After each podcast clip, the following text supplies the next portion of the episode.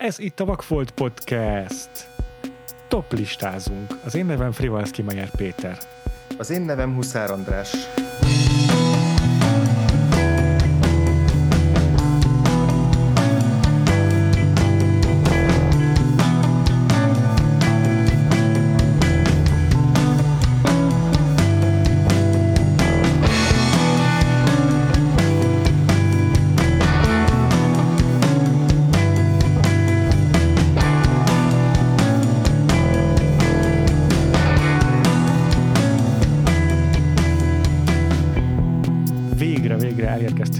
2020 végéhez, András. Te elhiszed ezt? Ö, nem. nem, illetve, illetve ezt akkor tudom elhinni, hogyha ö, hogyha december 31-e után is december 30-a következik, vagy ismét 2020. január 1 de egyébként, egy, egy, egyébként nem. Igen, ezt megbeszéltük a Patreonon a tenetes kibeszélő adásunkban, hogy lehet, hogy időinverzió következik be december 31-én, és visszafele kezd el számolni az óra. Nem lennénk meglepve semmiképpen. Én se, én se. Pont most így az adás előtt így elkezdtem nézegetni, hát így egyrészt, hogy milyen filmeket láttunk, láttam ugye idén, hogy egyébként is, hogy így mi minden történt az idei évben, és így olyan, ilyen január-februárban olyan dolgok vannak, amiről tényleg megmertem volna győződni, hogy egy olyan másfél-két éve történtek körülbelül. Pontosan. Annyira durva, hogy olyan filmeket láttam évelején, amelyeket azt hittem, hogy három éve láttam. hogy olyan régen volt a Parasite Oscar győzelme, igen. Mint, mint a crash a fejemben. igen, igen. Ráadásul ugye a, a Parasite az még úgy, arra még úgy emlékszünk is talán, hogy még idén volt, mert hogy az ott az utolsó jó dolog, ami történt velünk az életben. igen. De Amúgy... hát igen, ez egy eléggé rendhagyó év volt, ami azt hiszem, hogy így, így nem is nagyon kell taglalnunk, hogy miért, igen.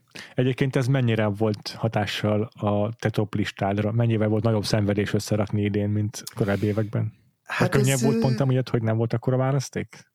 Is is. Egyrészt, egyrészt igen, tehát nem volt akkora választék, hiszen rengeteg filmet elcsúsztattak a következő évekre, és emiatt nem volt annyira gazdag ez az év, bár mondjuk hozzáteszem, hogy azért így legalább sok olyan film versenyben maradt, meg nyerekben maradt, amiket így máskor, mondjuk az év első felében mutattak be, amiket máskor így az év második felében érkező filmdömping az így kiszokott ütni a, a, mezőnyből, tehát volt azért egy olyan, olyan hatása is ennek az évnek, hogy az ilyen kisebb filmekre jobban hagyta meg a, a fókuszt ráirányulni, de, de mondjuk az tény, hogy hát volt egy-két ilyen, hát nem tudom, kiemelkedő darab, de igazából azok se olyanok, hogy így nagyon egyértelmű lett volna, hogy úristen, na ez lesz az első helyezettem.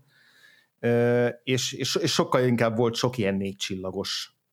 Tehát, hogy, hogy, hogy az ilyen top 10-nek a, a második ötös mezőnyében ott azért elég nagy fluktuáció volt, és most azért az elmúlt pár napban elég sok filmet pótoltam. Előtte azért volt abban a 5-től 10-ig lévő mezőnyben több olyan film is, amire azt hiszem, hogy hát azért örülnék, hogyha valami egy picit kiszorítaná őket, mert hogy szerettem őket, de valahogy mégsem érzem azt, hogy mondjuk azokról tényleg úgy beszélnék, mint az év 10 legjobb filmjének egyike.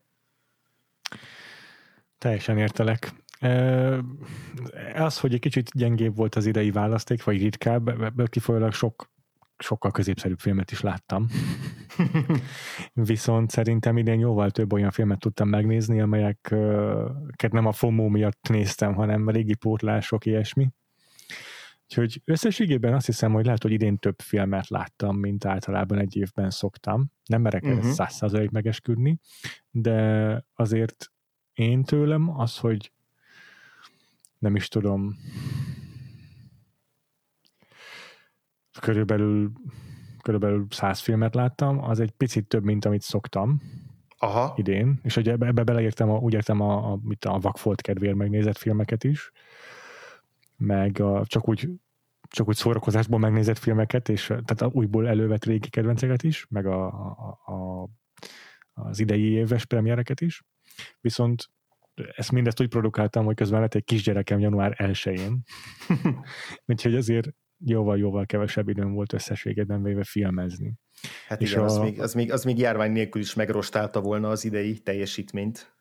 Hogyne. És ezért ebben ezen látszik is, hogy mind a kisbaba miatt, mind a ritkuló filmes premierek miatt. Az idei mezőny számomra szokásos ilyen 50-60 közötti számból 33-as mezőnyre redukálódott, 33 filmből kellett összeraknom egy top 10-es listát, szóval uh-huh. hát mhm. finoman szólva is uh, hagy némi kívánnivalót maga után az én, én listám.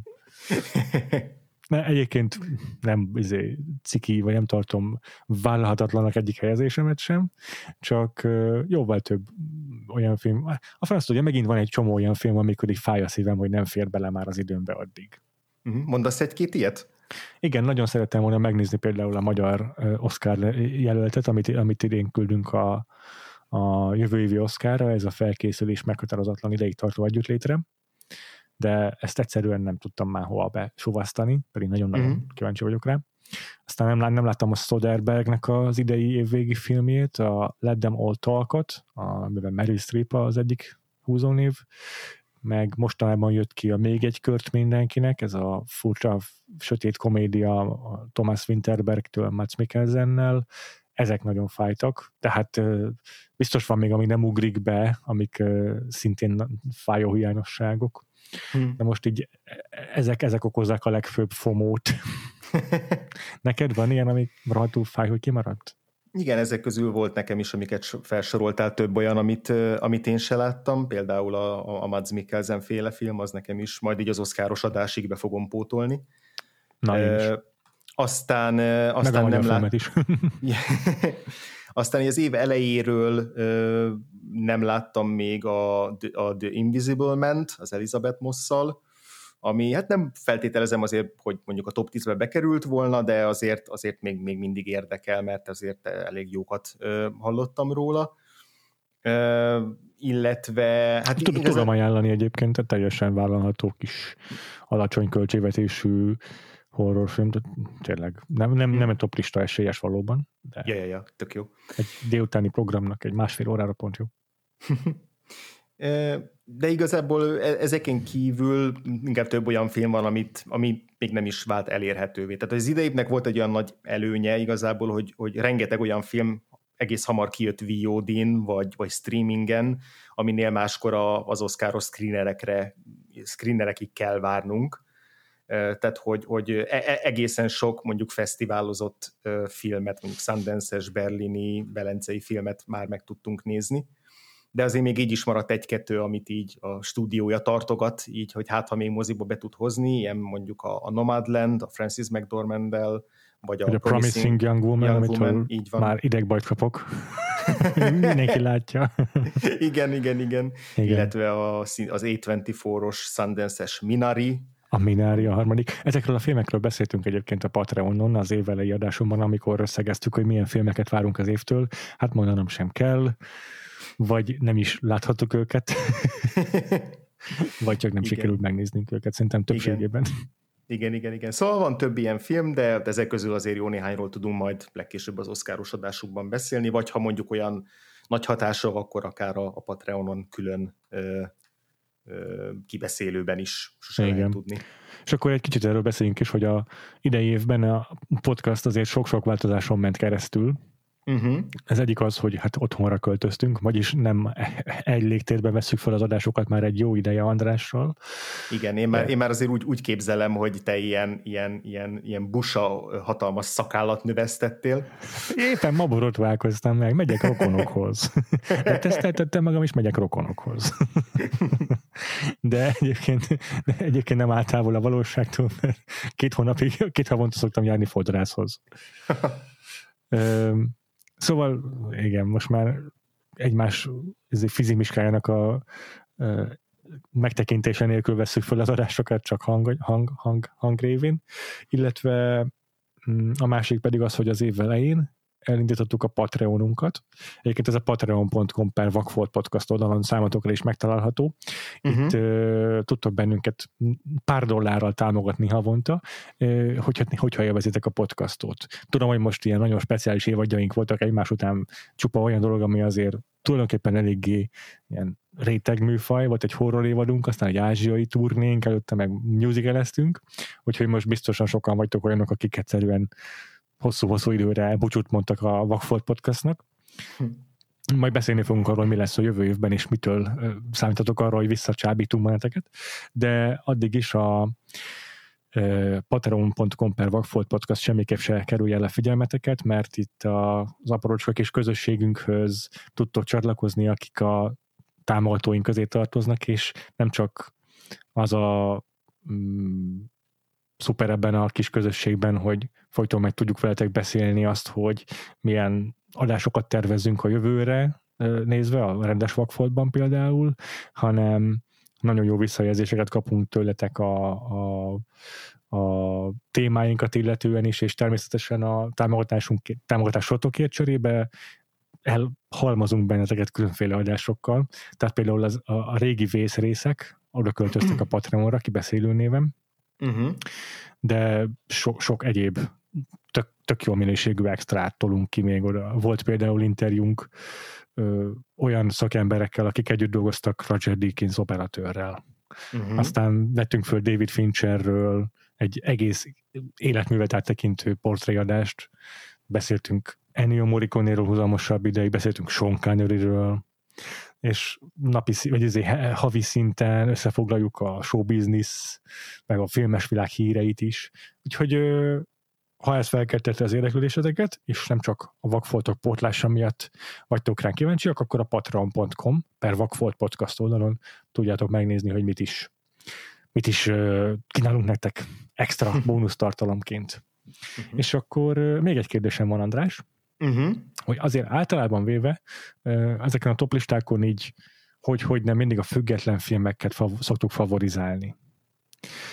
És azért esen szó egy picit a nagyobb költségvetésű filmekről, meg a, tehát a blockbusterekről, azokról, amiket így általában azért lecsúsztatunk a top, top 10-ből, de mégiscsak szeretünk valamilyen mértékben.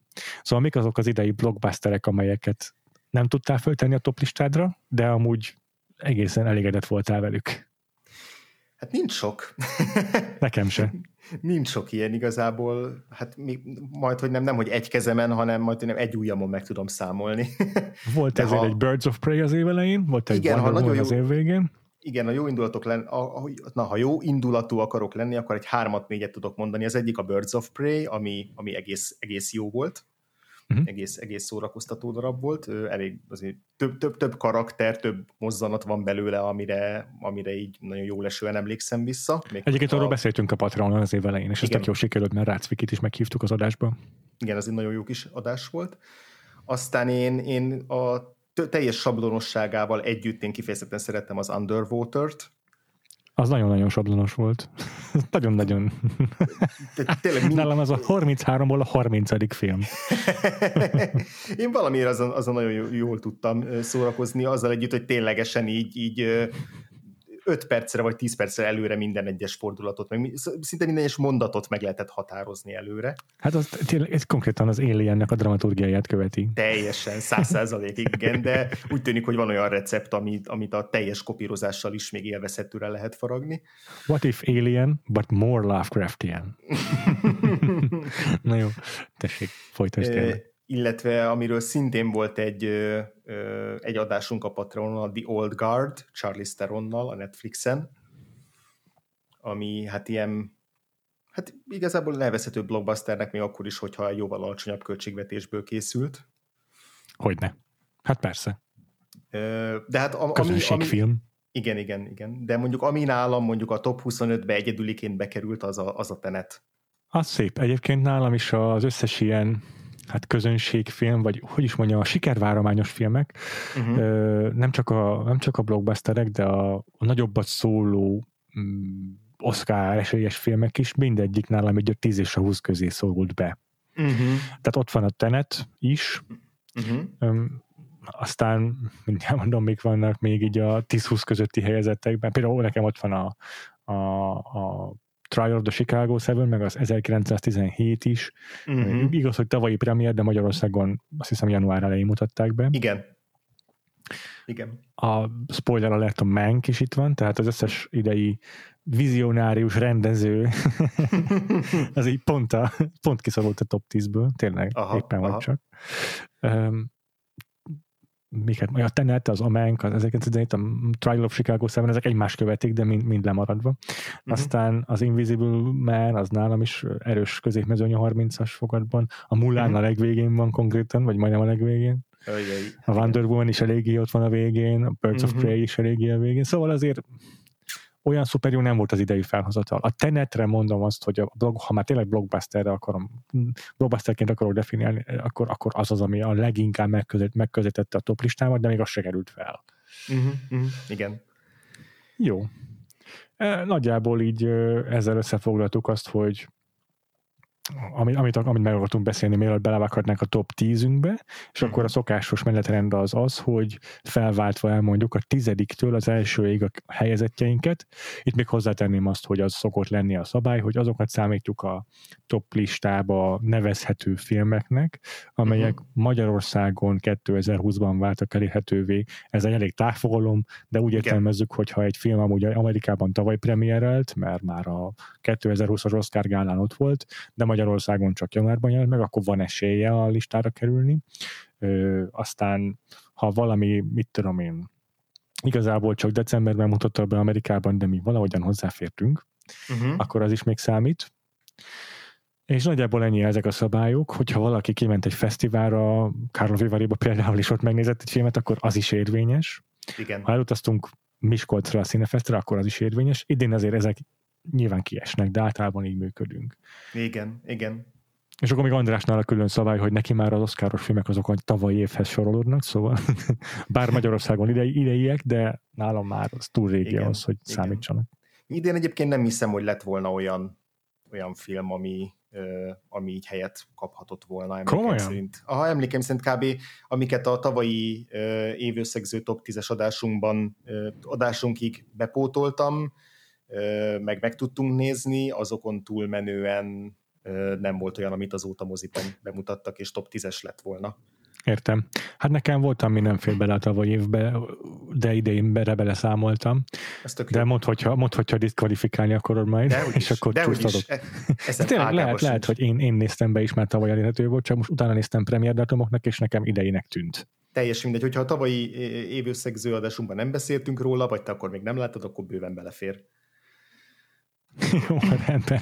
Uh, és akkor miatt belevágnánk a saját top 10 még el szeretném mondani, hogy a minden évben, az adott évben ven, podcastban vendégszereplő uh, vendégeinket meg szoktuk kérni, hogy válasszák ki a saját kedvenc filmjüket.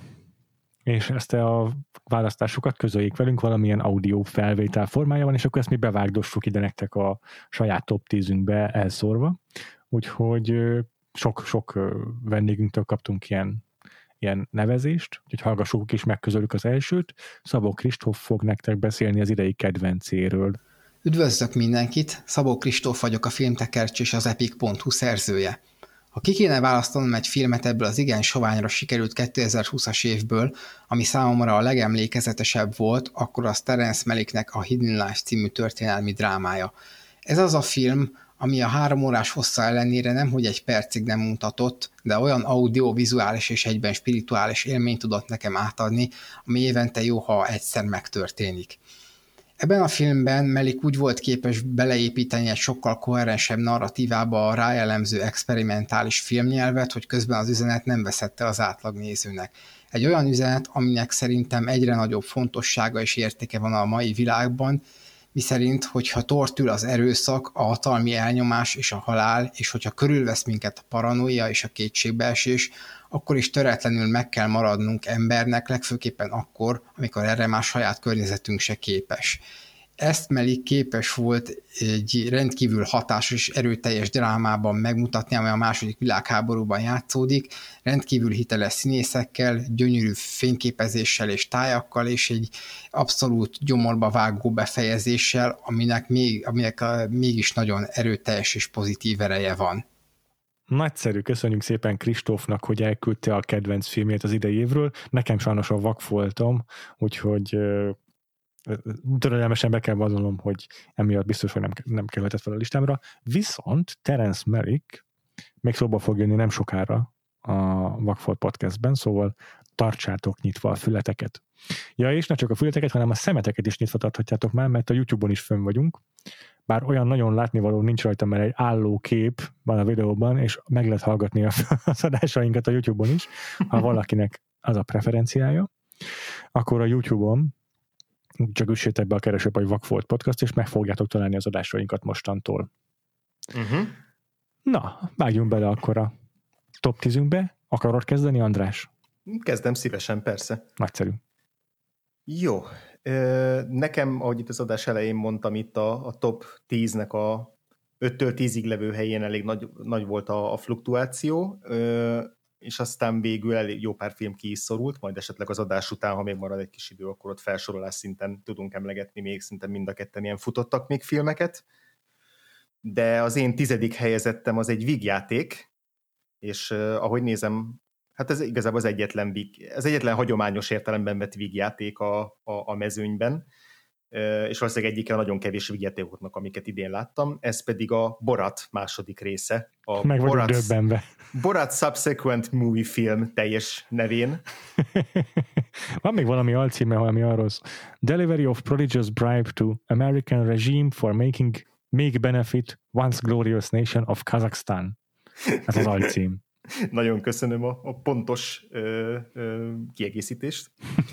Szóval igen, én amikor október végén elkaptam a, koronavírust, akkor utána, miután már néhány nap után már úgy kezdtem úgy jobban lenni, vagy úgy már nem, nem volt lázam, de azért még nem éreztem túl jól magam, és akkor, akkor olyan filmeket akartam, tehát akkor már tudtam itthon filmeket nézni, már volt hozzá energiám, meg, meg, meg türelmem, és akkor így direkt olyan filmeket választottam, amikről tudtam, hogy így hát ezek nem, azért nem, nem, nem igénylik mondjuk a teljes figyelmemet, vagy nem ilyen intellektuálisan, vagy lelkileg nagyon megpróbáltató, megterhelő filmek, és, és akkor jött ki pont az új borat, és ugye nem sokkal, korá, nem sokkal előtte eszméltem rá, hogy, hogy én igazából soha nem láttam az elsőt, hanem mindig kevertem a diktátorral, azt hogy lehet összekeverni a paratot a diktátorra? Még a műfajok is különböző.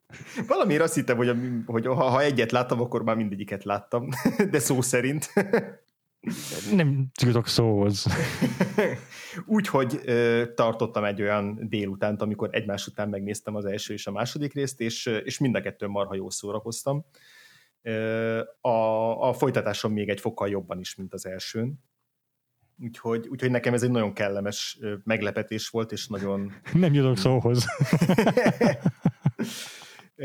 Én azt ugye Sasha Baron Cohen, amúgy is kedveltem mindig, tehát még az Ali G idő, idők óta, amikor az MTV-n nyomta izé a, a, a fake talk show-ját,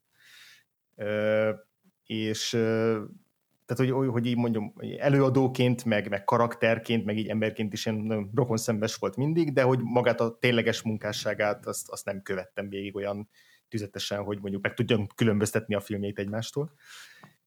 Wow, és, wow,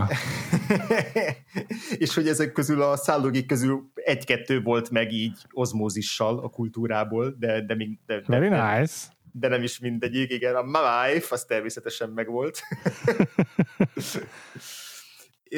úgyhogy, úgyhogy így, így, így vágtam neki ezeknek a filmeknek, és, és, és nagyon tetszett, hogy, hogy tényleg érződik az, hogy 14 év eltelt a két film között, teljesen máshogy állnak a politikai szatíra műfajához, teljesen más a kiinduló pontjuk. Ugye a 2006-os film az igazából így, így föl akarta ásni a, a nem is tudom, a, a szőnyeg alól, ahová be, be volt söpörve Amerikának az összes mocskát, és így napvilágra tárni, hogy, hogy gyerekek, ti ezt az országot szeretitek ennyire, és, és azon túlmenően pedig egy ilyen, egy ilyen, ami a csövön kifér, és aki kapja a golyót, az kapja, tehát körülbelül ez volt a, a, a mentalitása a, a Boratnak a, a gúny és a szatíra és a pellengérre tűzés terén, az új film, a 2020-as pedig ennél a fókuszáltabb és történetcentrikusabb, és sokkal meg, meg egy karaktercentrikusabb is, tehát hogy a Borat már nem csak egy, egy, egy öltönyös bajusz, aki, aki teljesen uh, antiszemita, uh, szexista, rasszista, illetve olyan ilyen képet mutat magáról, és ez, ezen keresztül hívja elő ugyanezeket a jellemvonásokat más emberekből adott esetben. Ebben a filmben már bár becsempésztek egy egészen szentimentális szálat is, Borat és a, a lánya, a, a tinédzser lánya egymásra egy tutár egymásra találások adnak a történetét, amit én, én nagyon szerettem, tehát én teljesen megvettem az ő kettejük kapcsolatát, bármennyire is klisés volt, de, de annyira, annyira, annyi abszurditást pakoltak bele, és annyira szuper jól sikerült a tutár karaktere elejétől végéig. Mária Bakalova játszotta, és szerintem gyanítom, hogy fel fog bukkanni a jövő évi Oscar mezőnyödben. Én is szinte biztos vagyok benne. Szóval, hogy, hogy, hogy működött a, a, a Borat 2-ben a, ez a szentimentális szál, meg a, a Boratnak az ilyen, nem tudom, az megváltás története, de nekem ugyanolyan jól működtek a, a, a szatirikus, meg az ilyen teljesen abszurd és teljesen morbid pillanatok is, hát a leg, legfergetegesebb jelenet az egész filmben, amikor egy ilyen debütant bólon vesznek részt, egy ilyen, egy ilyen bálon, ahol ugye a, a gazdag családok így bemutatják a felnőtt vagy felnövőben lévő tinédzser lányukat, így a, a nagy közönség előtt, vagy így a, a közösség előtt, és akkor ott mindenki nagyon elegáns és nagyon, nagyon tüchtig, és akkor ott ő előadnak egy közös ilyen apalánya táncot, ami ugye állítások szerint Kazasztánban egy, egy ilyen bevett, bevett tánc, és aztán ami, ami ott történik, az így teljesen megbotránkoztató és meghökkentő és, és iszonyatosan vicces.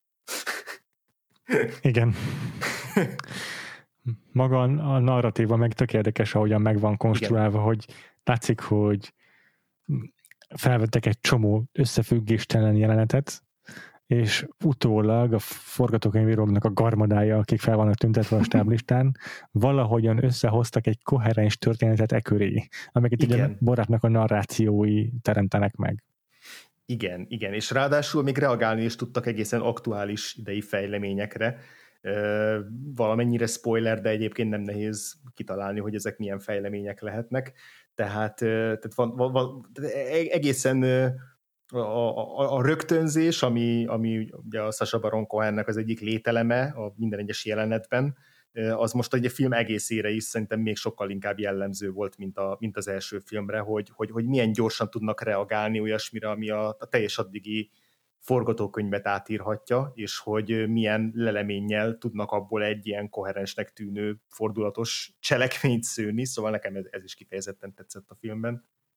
Igen, ez nekem is föltűnt még a Borát körüli interjú turné során is, hogy mikor Sasha Baron Cohen barátként ment el interjúra, amit tudom, Jimmy Kimmelhez meg ilyenek, akkor is oké, okay, hogy egy része biztosan meg volt beszélve a műsorvezetővel, de olyan jól tudott reagálni a műsorvezető reakcióira, hogy még fokozta is a... Tehát egyszer nagyon viccesek voltak néha ezek a, ezek a szituációk az interjú, mert olyan jó reakciókat tudott ott helyben improvizálni a Sasha Baron Cohen. Úgyhogy egyetértek, hogy szerintem is fontos az improvizáció ebben a műfajban, de lenyűgöző az a kreativitás, amivel a narratívát megkreálták a film köré.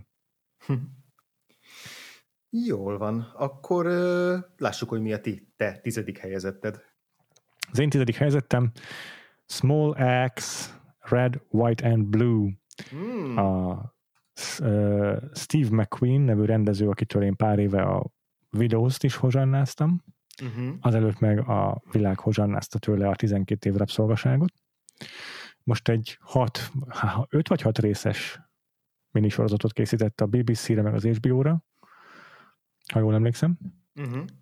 Lehet, hogy az Amazonra. Teljesen mindegy, és mindegyik ezeknek az epizódoknak teljes filmhosszúságú, igazából filmként, filmként is funkcionálnak önálló történetek, úgyhogy csupán azt különbözteti meg őket egy rendes filmtől, hogy, hogy blokkosítva jelennek meg egy, egy, egy átfogó cím a Small Legs alatt, és hogy van egy közös motivumuk az az, hogy Britanniában játszódnak a 60-as évektől a fogalmas nincs a 90-es évekig, nem tudom pontosan, mert utolsó részeket még nem láttam. Uh-huh. De hogy így mindegyik egy ilyen kosztümös period történet, és mindegyiknek feketék a főszereplője Nagy-Britanniában, ami azt jelenti, hogy többségük uh, a West Indiesből, tehát a Jamaika és a környékbeli szigetekről vándorolt be, és az ő megpróbáltatásaik uh, az ő hányatatásaik, az ő kiközösítettségük a gerince ezeknek a történeteknek. És Red, White and Blue ezek közül a történetek közül az, amelyikben a főszerepet John Boyega játsza, egy megtörtént esemény dolgoz fel, és egy rendőrt ö, alakít John Boyega, aki mm, úgy áll rendőrnek, hogy már van egy PhD-je, és ezzel is már rendőrségen dolgozik, mint, mint helyszínelő, vagy nem uh-huh. tudom ez a pontos fogalom, ez micsoda, ez a forensic scientist, és úgy dönt, hogy ő nem, nem akar az irodában csörögni, hanem beáll a, a testületbe, és, és, és utcán fogja róni, mint egyenruhás rendőr. Röviden ez a premissza, nem akarok sokat elárulni a film cselekményéből, mert uh, igazából nem tartogat túl nagy meglepetéseket, egy uh, tulajdonképpen eléggé kézenfekvő, fordulatokkal operáló, eléggé kiszámítható dramaturgiával rendelkező film, amelyben a John Boyega karakterének az apjával van összetűzése, mert az apja meg korábban a rendőrséggel szólt, hogy akasztotta össze a bajszát. Uh-huh és persze a rendőrök között meg eleve John Boyega egy nagyon-nagyon új ö, színfolt a rendőrségen belül, mert gyakorlatilag az egyik első színesbőrű rendőr uh-huh. Londonban, és hát nagyon-nagyon szúrja a szemét a legtöbb társának az ő jelenléte, úgyhogy hát így ezekből ki lehet találni, hogy milyen konfliktusokra épül fel a film. Nem is feltétlenül ez az, ami miatt nálam azért mégiscsak bekerült a top listába. A Steve McQueen és a társírója Korsa Newlandnek a története, hanem Steve McQueennek a rendkívül jó szemű rendezése miatt. Én azt hiszem, hogy Steve McQueen előtt most már mindig fogok áldozni, mert hogy annyira, annyira erőteljes vizualitású rendezőnek tartom őt. Uh-huh. Mm, majdnem minden képében van valami egyedi ötlet, van valami nagyon jól megkomponált beállítása, van valami, amitől sokkal több, mint egy teljesen hagyományos, átlagos párbeszédjelenet például. Tehát mindig tud vele valamit kezdeni, amitől izgalmasak a fölvételei. Sokszor ez lehet öncélú, sokszor ez lehet snob dolog, mert hogy fölöslegesen túl csavarja dolgokat, de szerintem megtalálja az arányt, és egyre, ahogyan egyre többet alkot, úgy, úgy, úgy érzem inkább, hogy egyre inkább megtalálja az arányt a, a szükségtelen mm, egyediség és a célra törő, kreat, célra törő képkeretezés között. Uh-huh. És nagyon-nagyon tetszett a Red, White and Blue ebből a szempontból is, szerintem tényleg az egyik legjobb rendezés az idei évből másrészt pedig John Boyega alakítása, ha ez nem egy tévéfilm lenne, akkor már, már, már legalább ilyen indie filmes fesztiválokon úgy beszélnének róla, mint az év egyik legjobbja. Hm. Van egy-két nagy monológia, hatalmas kiabálós monológok, ezek tehát ilyen igazi Oscar momentumok, ilyen Oscar showreelbe való anyagok. Az apját is, az apját játszó színész is szuper jó, Steve Toussaint. Hmm Röviden ezeket tudom elmondani a filmről, érdemes megnézni az egész Smolex-et, de a Red, White and Blue nálam a tizedik helyre föl is került. Hm. Igen, ugye a Smolex most ilyen, ilyen kisebb háborút váltott ki a film Twitteren, meg a TV Twitteren az, az, az elmúlt hetekben, ami ja. egy, már el is homályosítja azt, hogy magáról a, magáról a filmsorozatról beszéljenek, mint művészeti alkotásról, hanem arról megy a vita, hogy most akkor ez film, ez, ezek tévésorozat epizódjai, ez egy antológia sorozata, ez egy könyve, ez egy szaloncukor, tehát tényleg már, már mindennek elmondták szerintem a Smolex-et, aminek elmondhatták, és vér, vérre menő vitát folytatnak róla, amit ugye már lehet tudni, hogy Oscaron nem fog indulni, ahogy mondtad is, Persze. mert az, az Emmy, Emmy díjátadón lesz majd nevezve, uh-huh. illetve azt is lehet tudni, hogy a Steve McQueen maga ugyan úgy fogalmaz, hogy ezek számára filmek, Hogyne, hát úgy is készült igazából, tehát maga a produkció sokkal inkább egy filmet közelít meg, mint ezek sorozatokat. Mm, viszont azt is mondta, hogy ő, ő kezdettől a BBC-re szánta ezt a projektjét, mert hogy ez tudatosan van egy ilyen részben edukációs célja, részben pedig ilyen, ilyen korrekciós célja, hogy, hogy e, ennek, a, ennek a karibi ö, ö, angol közösségnek a, a története eddig gyakorlatilag rejtve volt a, a nagy közönség elől, sőt, iskolákba se került be például az első epizódba a Mangrove-ba szereplő tárgyalás, tehát hogy rengetegen nem tudnak róla, hogy ez egyáltalán valaha létezett, szóval neki célja volt az, hogy, egy, hogy ez, ez a, a leg, legjelentősebb brit közszolgálati tévén lásson napvilágot. Értem. És, és hát attól függetlenül, hogy az díját adón indítják, most mit én azt hiszem, talán a, a Chicagói filmkritikusok kiáltották ki az évfilmjének a Small X-et, mint olyat, tehát a, a, aki, akit nem kötnek ilyen, ilyen korlátozások, hogy, hogy, hogy Oscarra vagy nem Oscarra jelöljék, mondjuk a kritikusokat, ők, ők gyakran filmként kezelik, szóval lényeg az, hogy, hogy azért van, van egy jelentős kritikai visszhangja ennek a, ennek a szériának, vagy bárhogy is nevezzük, filmsorozatnak. Azért itt nem arról van szó, hogy az alkotó kijelenti egy sorozat évadjáról, hogy ezt egy filmként kell elképzelni, vagy filmnek szántuk, mint a Twin Peaks, vagy ilyesmi. Nem, ez tényleg önálló, tehát másfél órás darabok mindegyik, és tök különböző színészekkel. Jó, antológia sorozatként még lehet definiálni, mert Igen. főleg, hogy van egy összefüggő motivuma, Igen. de a produkciók maguk önállóan és értelmezhetőek is filmek. Ja, ja. Ennyit akartam ehhez hozzátenni. és a, még egy, ja igen, Magyarországon is elérhető, a Kisfejsze címmel az HBO Go-n, meg gondolom az HBO-n, a műsoron is van, hm. úgyhogy érdemes rákeresni. Uh-huh. Te jössz, András. Jó, az én kilencedik helyezettem az már szóba került, egyike azoknak a filmeknek, amiket Olyan. neked még nem, nem sikerült bepótolnod. Nekem viszont itt az utolsó napokban igen, ez pedig a felkészülés meghatározatlan ideig tartó együttlétre. Uh-huh a Horváth Lirinek a második filmje, ugye ő a, a Szertai gyerek című filmmel mutatkozott be korábban, ez pedig az idei alkotása, amit pont még itthon mozikba be tudtak mutatni. Én ugyan nem moziban tudtam megnézni, hanem, hanem streamelve, de, de ez, ez nem csorbított a, a hatásán a filmnek. Egy romantikus filmről van szó, többen hasonlították az Enyedi Ildikónak a Testről és Lélekről című filmjéhez, mert hogy hasonlóan érzékeny és hogy hasonlóan nem szokványos kapcsolatot mesél el, és így valóban vannak hasonlóságok. A Horváth Lili azt hiszem, hogy az Enyedi Ildikó egyik osztályában tanult, tehát hogy ténylegesen van, van, van kötődés közöttük, vagy ez is lehet, hogy dolgozott vele korábban. Nekem talán még egy, egy fokkal jobban is tetszett a, a testről és lélekről bármilyen megbotránkoztató ez mondjuk neked hallani, aki a, a, a, abban az évben az év első filmje, vagy, vagy az év filmje volt a testről és lélekről.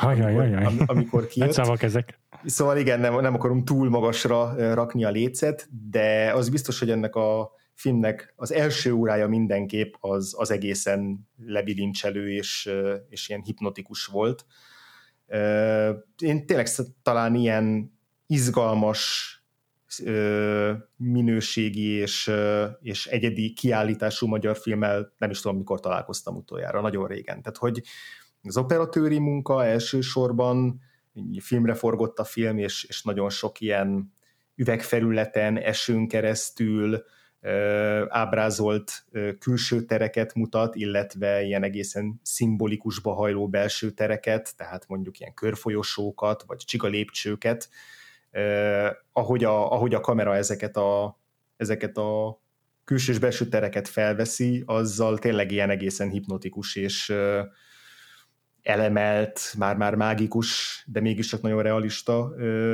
Budapestet ö, tud bemutatni, szóval hogy már a közegábrázolás is szerintem elsőrangú, és ad egy olyan misztikus, vagy ilyen kicsit misztikus, de talán inkább ilyen talányos és nehezen megragadható, megfogható atmoszférát, amiben aztán ez a hasonlóan rejtélyes szerelmi történet kibontakozik. Ugye az az alappremissza, hogy a filmnek a főhősnője egy New Jersey-ben dolgozó, baromi sikeres ö, doktornő, egy konferencián megismerkedik egy magyar orvossal, és ott fülig beleszeret, vagyis hát úgy tűnik, hogy egymásba is szeretnek, ott egy ilyen nagyon gyors találkozó végén megbeszélik, hogy egy hónap múlva találkoznak a Szabadsághíd Pesti hídfőjénél.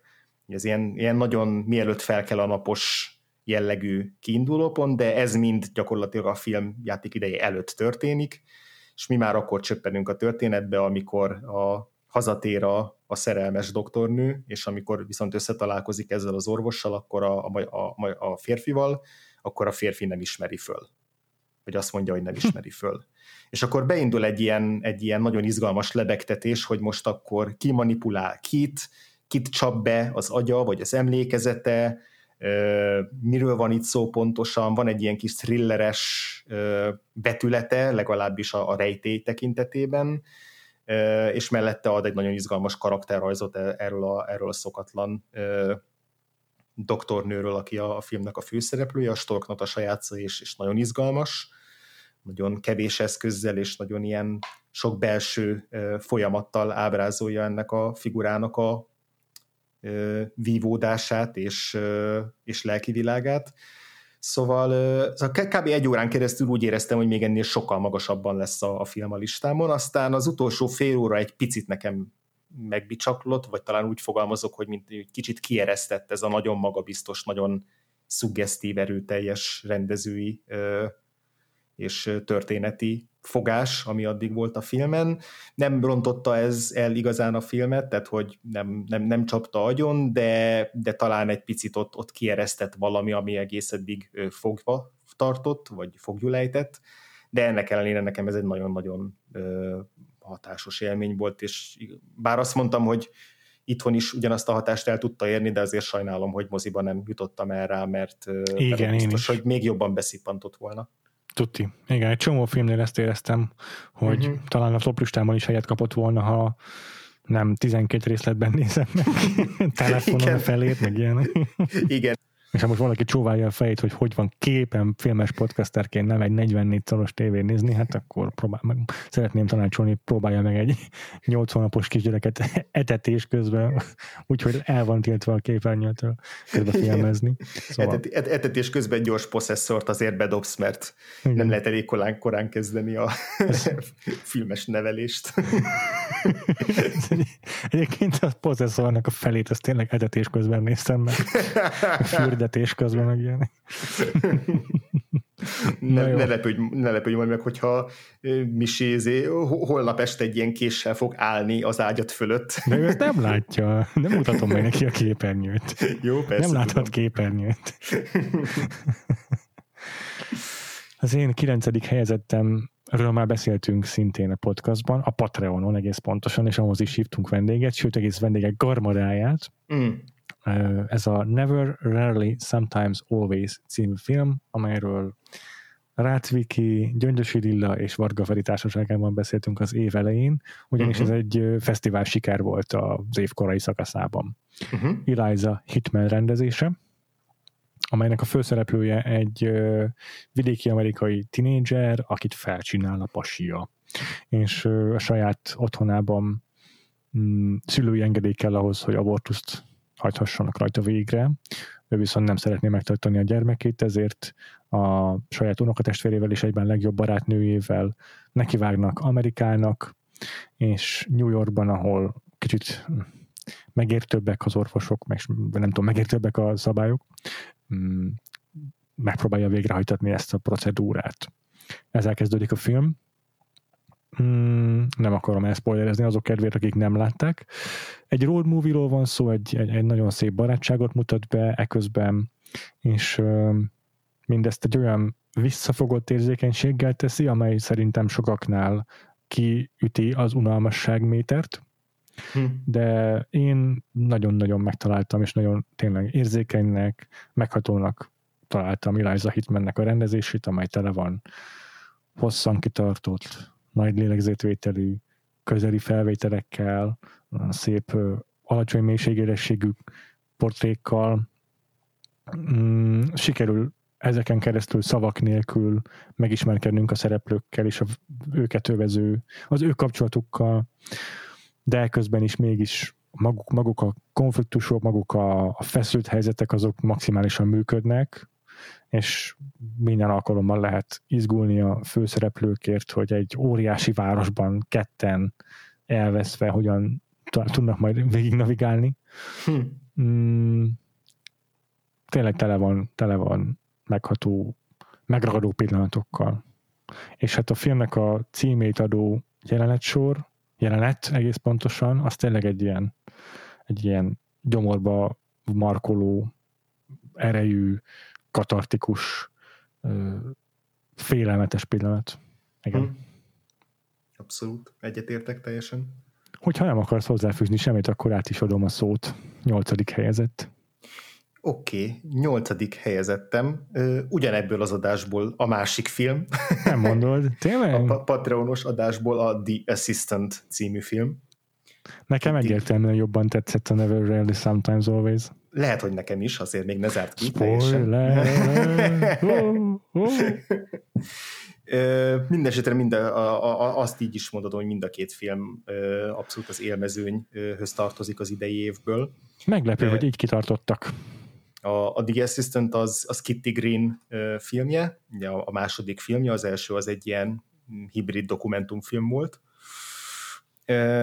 és ez is egy fesztivál kedvenc film volt, azt hiszem, hogy még tavaly mutatták be talán Torontóban, tavaly év végén, de idén év elején volt rendes mozi premierje, illetve én a Berlini Filmfesztiválon tudtam megnézni, szintén még, még az idei év elején. És, és ez, ez, egy, ez egy olyan film, hogy visszagondolok rá, akkor, akkor azonnal elfog ugyanaz a rettenetesen lehangoló, nyomasztó, nyomott hangulat, ami, ami a film közben is így rátelepszik az emberre. Ugye egy olyan fiatal lányról szól, aki egy neves filmproducernek az irodájába dolgozik, és ilyen hét, apró cseprő hétköznapi, vagy ilyen, ilyen igen, hétköznapi munkákat kell elvégeznie. Telefonálgat, egyeztet, kávét főz, de kicsit ilyen lóti-futi figura, de ugyanakkor olyan, olyan, olyan asszisztensről van szó, aki, aki mégis ilyen létfontosságú az irodának a működésében. És hát ugye az, a The Assistant az egyúttal egy, egy Me Too film, tehát hogy ez a neves filmproducer nincs megnevezve, de a hangja alapján, nem is látjuk soha, de a hangja és a, a körülmények alapján egyértelműen egy Harvey Weinstein hasonmással van dolgunk. Így van. És, itt, itt erre sokat beszéltünk a podcastban, az adásban, hogy mennyire sikerült ezt a filmet félre marketingelni, mert úgy van beállítva, hogy ez a nagy MeToo film, és itt, itt karfát fogod markolni, annyira feszült az egész.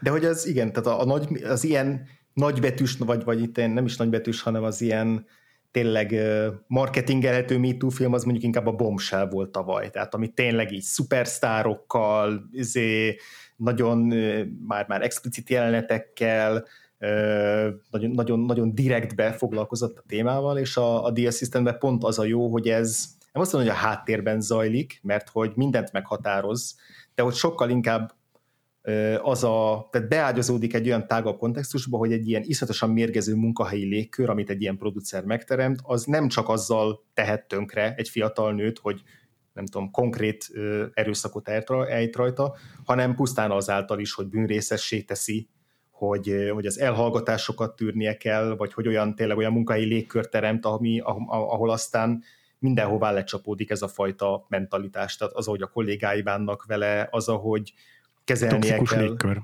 Pontosan, pontosan. És, és, és ugye e, a, a főhősnőnek egy napját nézzük végig, kora reggeltől késő estig ebben az irodában, ami egy bizonyos szempontból végül is egy ilyen kiemelkedő nap, mert a film egy pontján a főhősnő megpróbál tenni valamit az ellen, amit így a jelekből egyértelműen ki tud olvasni, hogy mi zajlik a zárt ajtók mögött a producer irodájában, illetve hotelszobáiban. És akkor ott, ott van, egy, van egy hasonlóan katartikus és megrázó jelenet, mint a Never Rarely Sometimes Always-ben, csak még sokkal ö, megterhelőbb, megkeserűbb de hogy alapvetően tényleg ez egy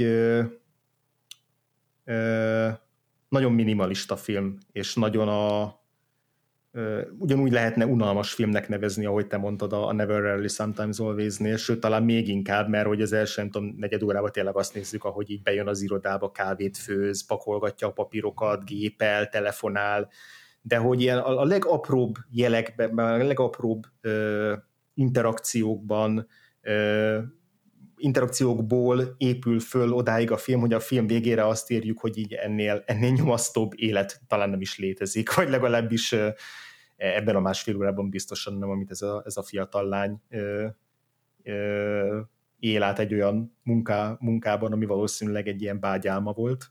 Szóval, ö, szóval ez az érzés, ez a, ez a nagyon, nagyon lehangoló, nagyon kiábrándult és, és ja, igen, megterhelő ö, érzés az ami, az, ami így mostanáig is velem maradt. Meg ez a, uh-huh. ez a mhm. nagyon, ezek, ezek a nagyon hűvös képek, ez a nagyon hűvös képi világ, ez a nagyon rideg világ, amit ábrázol. Ez, ebbe szerintem nagyon, nagyon jó. Nálam 11 lett. Uh-huh, uh-huh. azok, akkor igazából majdnem, majdnem top listás nálad is. Így van. Nagyon, nagyon így van. közel maradt. Így van. Jó, örülök, hogy felkerült a listádra, és tudtunk beszélni a The Assistant-ről, mert tényleg megértemli. És akkor ugorjunk a nyol, az én nyolcadik helyzetemre. Uh-huh. Ismét Small Axe. Ezúttal viszont a Mangrove című darabot fogom kiemelni, amelyet már fölvezettél egy picit, amikor az előző installációról beszéltem ebből az antológiából. Uh-huh. A Mangrove egy tárgyalásnak a története. Kedves Aaron Sorkin, így, így kell megrendezni egy tárgyalótermi drámát. Uh-huh. Az van, hogy nem került fel a top listámra a The Trial of the Chicago Seven, Aaron Sorkinnak az idei saját rendezése, de egyébként kiváló scriptje van annak a filmnek is, és szuper szereposztása, és tényleg nagyon kicsi múlott, hogy nem került föl szerintem. És vele ellentétben a Small Axe-ből a Mangrove-nak mm, nagyon-nagyon hasonló a története. Ugyanaz a korszak. Tényleg egy-két év eltéréssel játszódik, csak Britanniában egy hasonló volumenű, hasonló jelentőségű, vagy nem is jelentőségű, de hasonló tétekkel rendelkező per a történet. Mindkettőben azért fontos szerepe van a kisebbségeknek, a, a, a, az, a uralkodó osztály Uh-huh. befolyásának, stb. És meg, meg az egész egy lázadás, egy, egy, egy, egy tüntetés körül forog igazából, mind a két esetben. Ám a Small Axe-ből a Mangrove epizódnak, tehát a nyitó epizódnak szerintem gyöngébb egyébként a scriptje, mint a The Trial of the Chicago Seven, de ez nem egy forradalmi kijelentés, mert Aaron Sorkin scriptjénél majdnem minden script gyengébb. Viszont Steve McQueen rendezése az fantasztikus.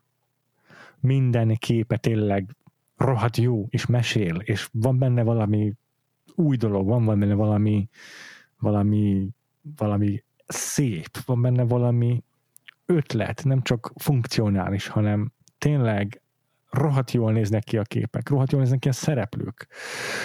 A tárgyaló terméletekben konkrétan van egy olyan beállítás, amikor az egyik ügyvéd áll a ítészek előtt, vagy hát a, nem tudom, azt hiszem azok úgy esküdtek, uh-huh. és így alulról veszi a kamera, és így tornyosulnak fölé, mint valami, Hm. nem tudom, a, az Olymposzon az istenek, szuperul néz ki. Mm, de ezen kívül is maga a történet szerintem igaz, hogy tényleg edukatív jellegű, és emiatt csöppet szájbarágos, csöppet ö, triviális, ugyancsak ahogyan a Red, White and Blue volt a tizedik helyemről, de olyan jó van előadva a főszereplők által, köztük Letitia wright akit mi a Black Pantherben szerettünk meg nagyon, Uh-huh. hogy meg mindenki szuperul alakít, tehát olyan, olyan eredeti minden figura, olyan jól megfogható, jól megjegyezhető figurák szerepelnek ebben a Mangrove-ban, hogy mindegyikükkel szeretnék szoros barátságot kötni. Komolyan. Ö, nagyon jó a helyszín, tehát ez a Mangrove nevű kocsma, vagy étterem igazából, amely a balhénak a kiinduló pontja, az egy nagyon jól tapintható, plastikus környék, környezet, és megérti nagyon, gyorsan a néző, hogy miért van egy fontos kulturális jelentősége a, a londoni fekete közösségnek, közösségben számára ennek a konkrét étteremnek, és miért vált ki ekkora felháborodást az, hogy, hogy a rendőrség fontosan vegzálja az itt dolgozókat, meg ezt a helyet, hogy egyáltalán. Szóval tökéletesen működik szerintem a film dramaturgiája. Még mondom Hm. annak ellenére is, hogy egyébként a script sokkal, vagy egy, jó, egy picivel azért ügyetlenebb és picivel egyszerűbb, mint a, a Sorkini. Például Hm. a filmnek a kötelező ilyen utolsó előtti mozzanata, amikor így a az, a tárgyaláson résztvevő vádlottaknak el kell bizonytalanodniuk, és el, el kell veszíteniük minden reményüket, az sokkal mesterkéltebb, és sokkal kevésbé működik, mint a Sorkinnál például. Hm. Ez érdekes, pedig, pedig nekem pont ott annál a, annál a vitánál ö, ott, ö, ott, ott nekem kifejezetten tetszett, hogy, hogy hogyan tér vissza a főszereplője a filmnek. Ugye a, a filmnek a főszereplője ennek a Mangrove-nak a tulajdonosa. Ez a Sean Parks játsza. Nagyon-nagyon Ö, jól. A, nagyon jól, aki egy, egy ilyen apolitikus figura, vagy legalábbis olyas valaki, aki azt mondja, hogy ő, ő, ő csak egy éttermet szeretne üzemeltetni, és azt, hogy hagyják békén és nem akar belefolyni abba, ahogy mondjuk a, a, a fekete párducok, tehát a, a Black Panthers mozgalomnak a, a brit szárnya, uh-huh. így megtalálja magának ezt, a, ezt az éttermet, és ott tartanak ilyen, ilyen üléseket, tehát hogy nem tiltja ki őket, de hogy, de hogy nem, nem is akar, akar ő belefolyni ebbe, és, és ugye így kerül be ő is civilként a, a vádlottak közé, mint ilyen főkolompos a, a sok politikai aktivista mellé, és hogy ő, ő igen, ő, az, ő ez, a, ő ez a, a bizonytalanabb figura, az, aki, az, akit ott meg tudnak kísérteni azzal, hogy esetleg alkut, alkut kéne kötni.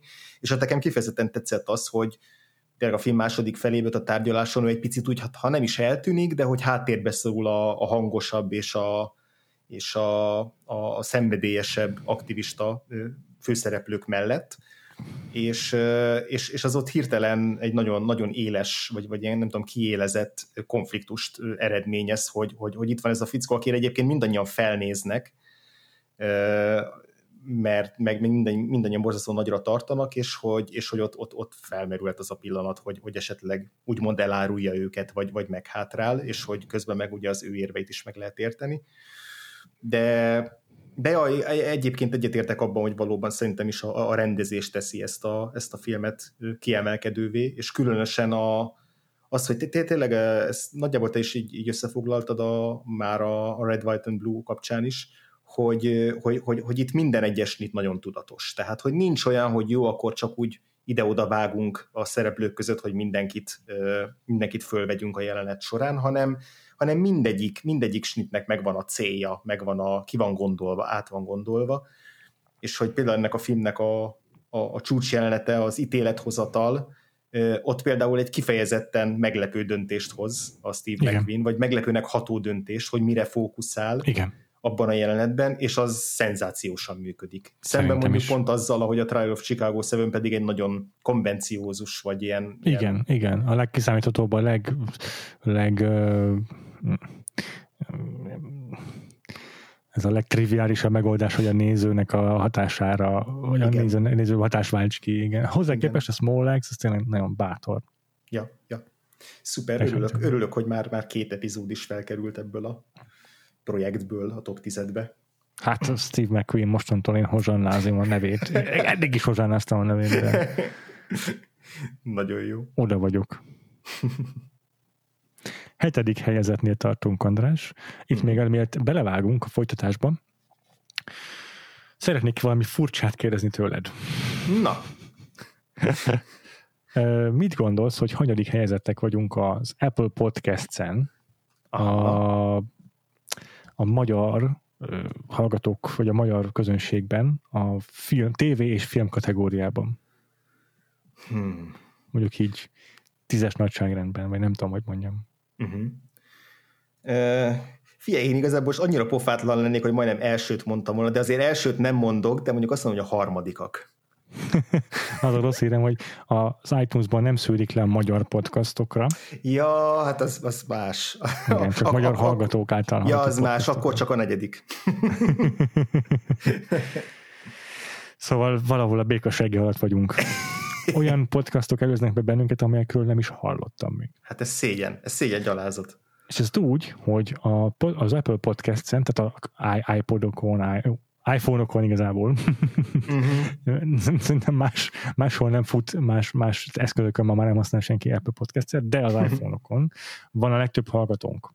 Hmm. Tehát megelőzik a böngészőben a hallgatókat, megelőzik az androidos különböző appokat, uh-huh. és még a Spotify-t is megelőzik. És ehhez képest ö, úgy érzem, hogy az értékelésekben ez nem reprezentál, nem, nem látható. Úgyhogy Ajaj. arra kérem a hallgatóinkat, hogyha iPhone-t használnak, akkor ragadják meg a készüléket, és írjanak rólunk egy értékelést az Apple Podcast-en, hogy a minket megillető helyre kerüljünk ebben a ranglistában. Nagyon örülök, hogyha értékeléseket írtok nekünk az Apple Podcast-en, mert ezeket mi látjuk, és mindig megnézzük, de hát a legfrissebb az most már idestől lassan két éves, mm. és biztos vagyok benne, hogy azért vannak olyan hallgatóink, akik azóta kezdtek el bennünket hallgatni. Lehet, hogy ti nem tudjátok, de nekünk ez rengeteget számít abban, hogy hogyan jutunk el a magyar közönséghez. Úgyhogy megköszönnénk, ha egy gyors, pármondatos kis review-t írnátok rólunk. Így van. Te, te, létszi, tegyetek meg mindent azért, hogy a legalább az ötödik helyig feljussunk.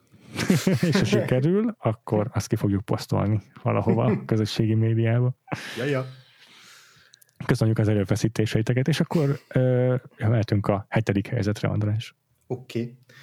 Az én hetedik helyezettem az egy dokumentumfilm lesz, minden évben e... sikerül behúznod egyet-kettőt. Igen, én az elmúlt években eléggé rákaptam a, a dokumentumfilmekre, nagyon izgalmas műfajnak találom, nem csak azért, mert izgalmas történeteket mesélnek el, hanem hogy hogyan mesélik el ezeket a történeteket, mindig találok néhány olyat, ami, ami rendhagyó, és, és ez, a, ez a film is egy eléggé rendhagyó megközelítés, meg témaválasztás is.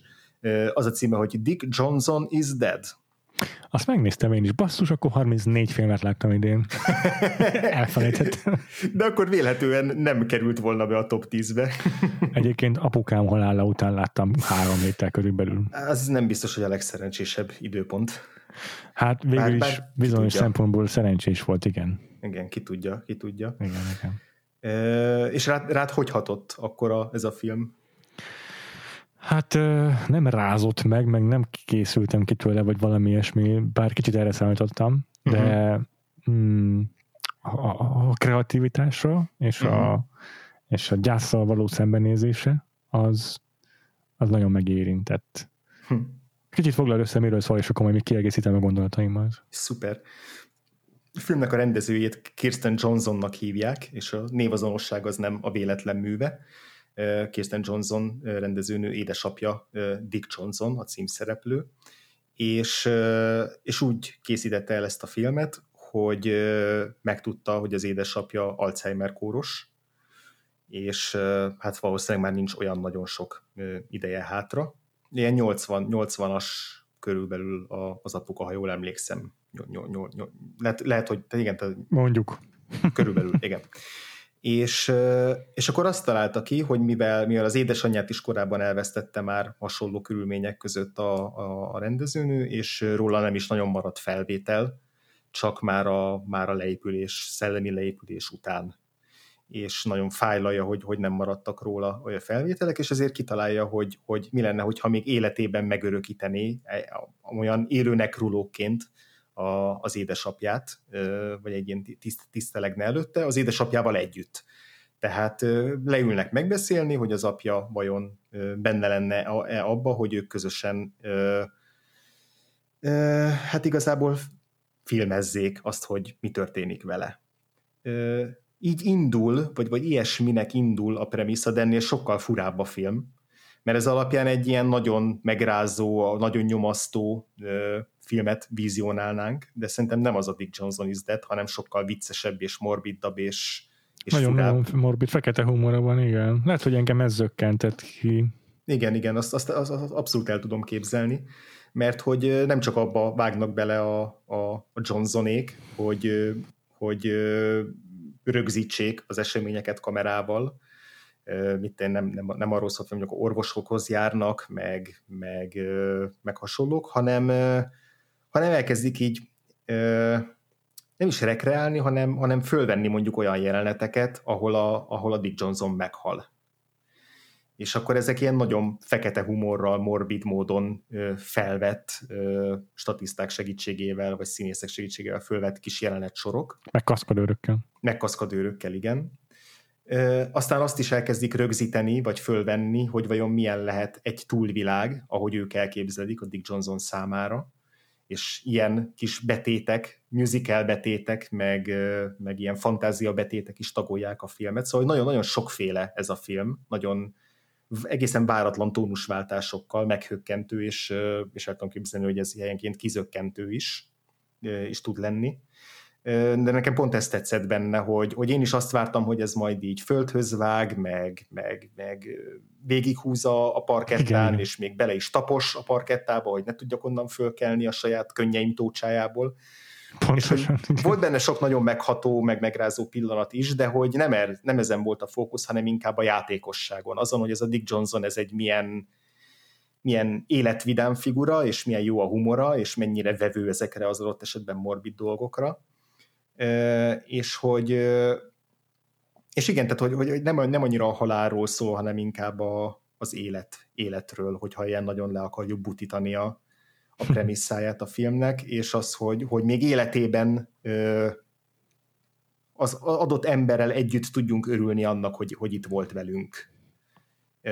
És, yeah. és szerintem ebben nagyon hatásos a film, és aztán a, a finálé, amit nem akarok elspoilerezni, ott, ott, ott, ez, ott ez kifejezetten erősen, nagyon, nagyon erős érzelmi hatással összegzi a film, és ugyanakkor ez még meg is pedzegeti azt, hogy ez, ez így etikailag hogy passzol, meddig tarthat az, hogy ez a két ember tényleg együtt működik, és mikor átfordul-e esetleg át abba, hogy a, hogy a rendező már ki, hogy már használja az édesapját valamihez, akkor, hogy a környezetükre ez milyen hatással van, hogy ők belemennek ebbe a játékba, szóval, hogy ilyen szempontból is sok nagyon kényes kérdést feszeget a film, és szerintem elég nyíltan teszi meg ezeket.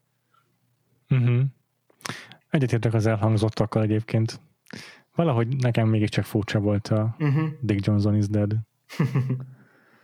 De hogy csak mert nagyon másra számítottam. Persze, az abszolút benne lehet. Az én hetedik helyezettem egy, az oszkáros mezőnyből egy film. Na. Úgyhogy nálad már ez föl se bukkanhat, mert ez a Little Women. Oh. Greta Gerwig rendezése. Uh-huh. A kisasszonyoknak a talán negyedik mozifilmes feldolgozása, és összességében meg ki tudja, hanyadik feldolgozása, mert tévében is volt milliónyi verzió ebből. Uh-huh. Tehát a legismertebb számunkra, vagy a mi generációnk számára biztosan a Winona Ryder-es adaptáció a 90-es évekből. Így van. És akkor most készült egy új, ebben pedig egy olyan sztár szereposztással dolgozik a, a Greta Gerwig, akinek a nevét biztosan ismerik az emberek a Lady Birdből, uh-huh. vagy ről, mint azonnal a Lady Birdből visszatérő Saoirse Ronan, vagy Meryl Streep, vagy Emma Watson, vagy Timothy Chalamet. Uh-huh. És az csak a fele nagyjából azoknak a híres színészenek, akik felbukkannak a Little Women-ben. És erről is beszéltünk a Patreonon. Nem, ez nem egy Patreon reklám ez adás, de erről tényleg pont beszéltünk.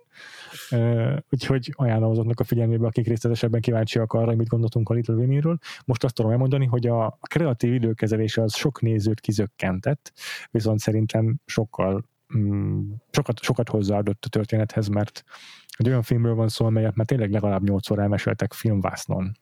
Olyan történetről van szó. És, és ez egy olyan megoldás az, hogy Greta Gerwig nem lineárisan meséli a cselekményt, hanem flashbackes formában, meg kicsit megkavarva az időrendet, amely egy tök új réteget ad a szereplők gondolkodásmódjának a megértéséhez számomra. Uh-huh. Teljesen más kontextusba helyez egyes szegmenseket, eleve igazából kicsit más hangsúlyt kapnak a szereplők is, uh-huh. tehát másokat lehet jobban megkedvelni, mint mondjuk a 94-es változatban, de nagyon tetszik az, amit megfogalmaz ezzel a filmben Greta Gerwig a, az alkotásról, az inspirációról, a főszereplő egy regényíró növendék, vagy regényírónak készülő fiatal lány, és nagyon érvényesnek találtam ezt a filmet annak ellenére, hogy egy, egy, egy vaskos kosztümös drámáról van szó, amelyben tinédzser lányok ö, hajbakapása teszi ki a dramaturgián jelentős részét. Igen, ha, jó, ha jól emlékszem, nekem még pont belefért a, a tavalyi évőszegződásunk előtt egy ilyen premier előtti sajtóvetítésbe a film, és ha jól emlékszem, akkor én, én beszéltem róla a, a top 10 adásba. Igen, nekem is rémlik, de többször ellenőriztem, és nekem nagyon úgy tűnik, hogy ezt január 30-án mutatták be Magyarországon, szóval igen. Mer, fölmertem tenni, de, de csak tudom, hogy volt valami premier előtti dolog. Igen, igen, igen, igen de teljesen, teljesen jogos, hiszen te sőt, az, sőt, igen, láttad már emlékszem is, hogy, hogy mekkora FOMO dürhamot kaptam, amikor te meg Rácz Viki január, vagy december, nem tudom, első hetében kiraktátok, hogy az egyébként Magyarországon két hónappal később látható filmet mennyire szerettétek.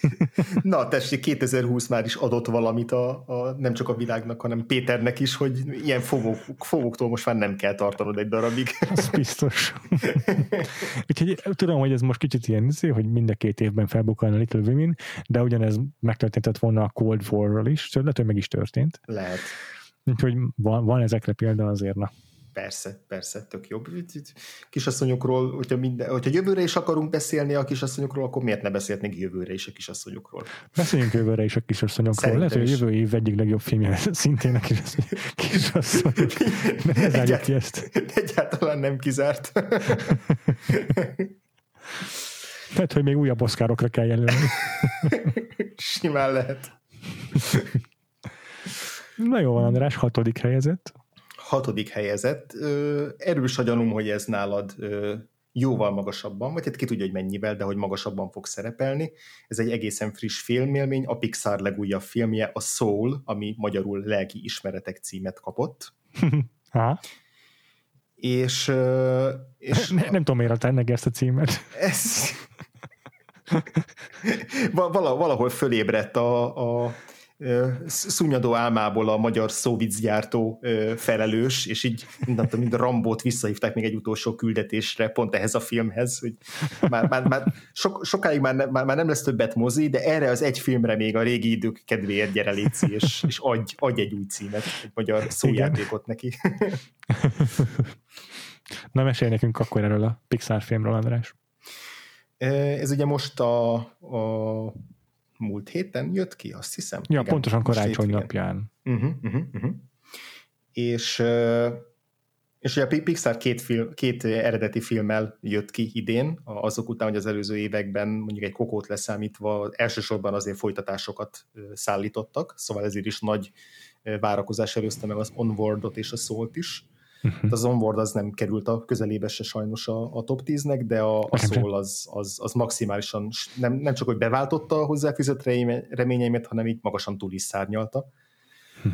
Szerintem ez a leg ez a leggyönyörűbb film idén talán, vizuálisan, a leg, leginnovatívabb, a, amilyen világokat teremt, és a, amilyen, amilyen környezeteket alkot meg. Néha és lelki egy... állapotokat vizualizál például. Igen, igen.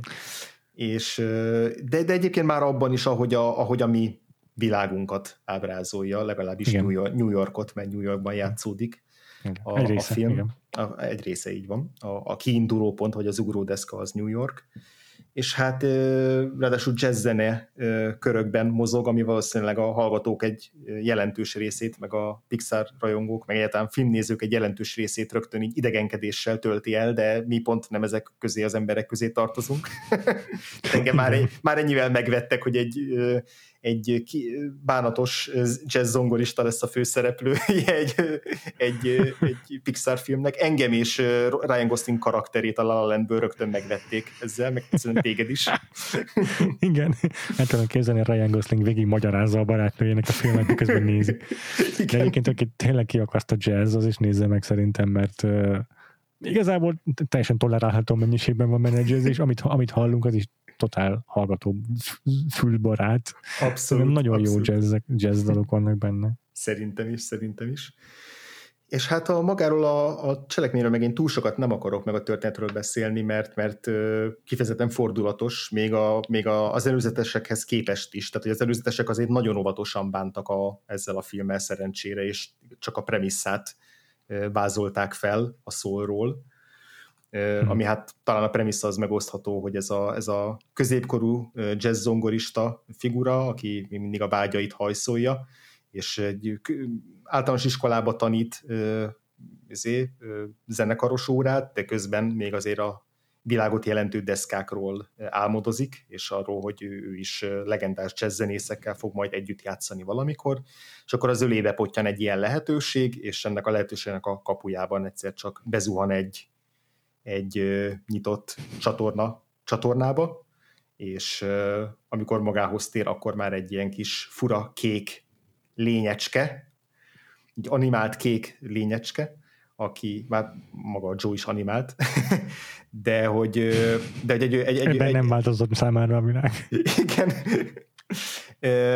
aki hát tulajdonképpen a túlvilágon találja magát, vagy egy ahhoz hasonló helyen. És ez most már a hát túlvilág ez egy elég általános fogalom. Ez most egy nagyon, nagyon leegyszerűsített általános fogalom, ennél sokkal egy komplexebb és komplettebb ö, rendszert alkot a maga a film, amit, ami szerintem jó, hogyha mindenki magának fedez fel és aztán az, hogy innen hogyan gördül tovább a cselekmény, de, de talán azt el lehet mondani, hogy azért a filmnek az alap téma, témaköre az így a, a megbánt élet lehetőségek, elszalasztott lehetőségek, illetve az ezeken való rugózás szembeállítása mondjuk az élet örömeinek a meglelésével, illetve hát ilyen egzisztenciális kérdések, hogy tényleg mit jelent az, az, hogy életöröm, mit jelent az, hogy boldogság, honnan, hol találhatunk elégedettséget az életünkben, mit jelent az, hogyha van egy szenvedélyünk, amiért mindent oda akarunk adni, ennek mik a veszélyei, mik a, a jutalmai,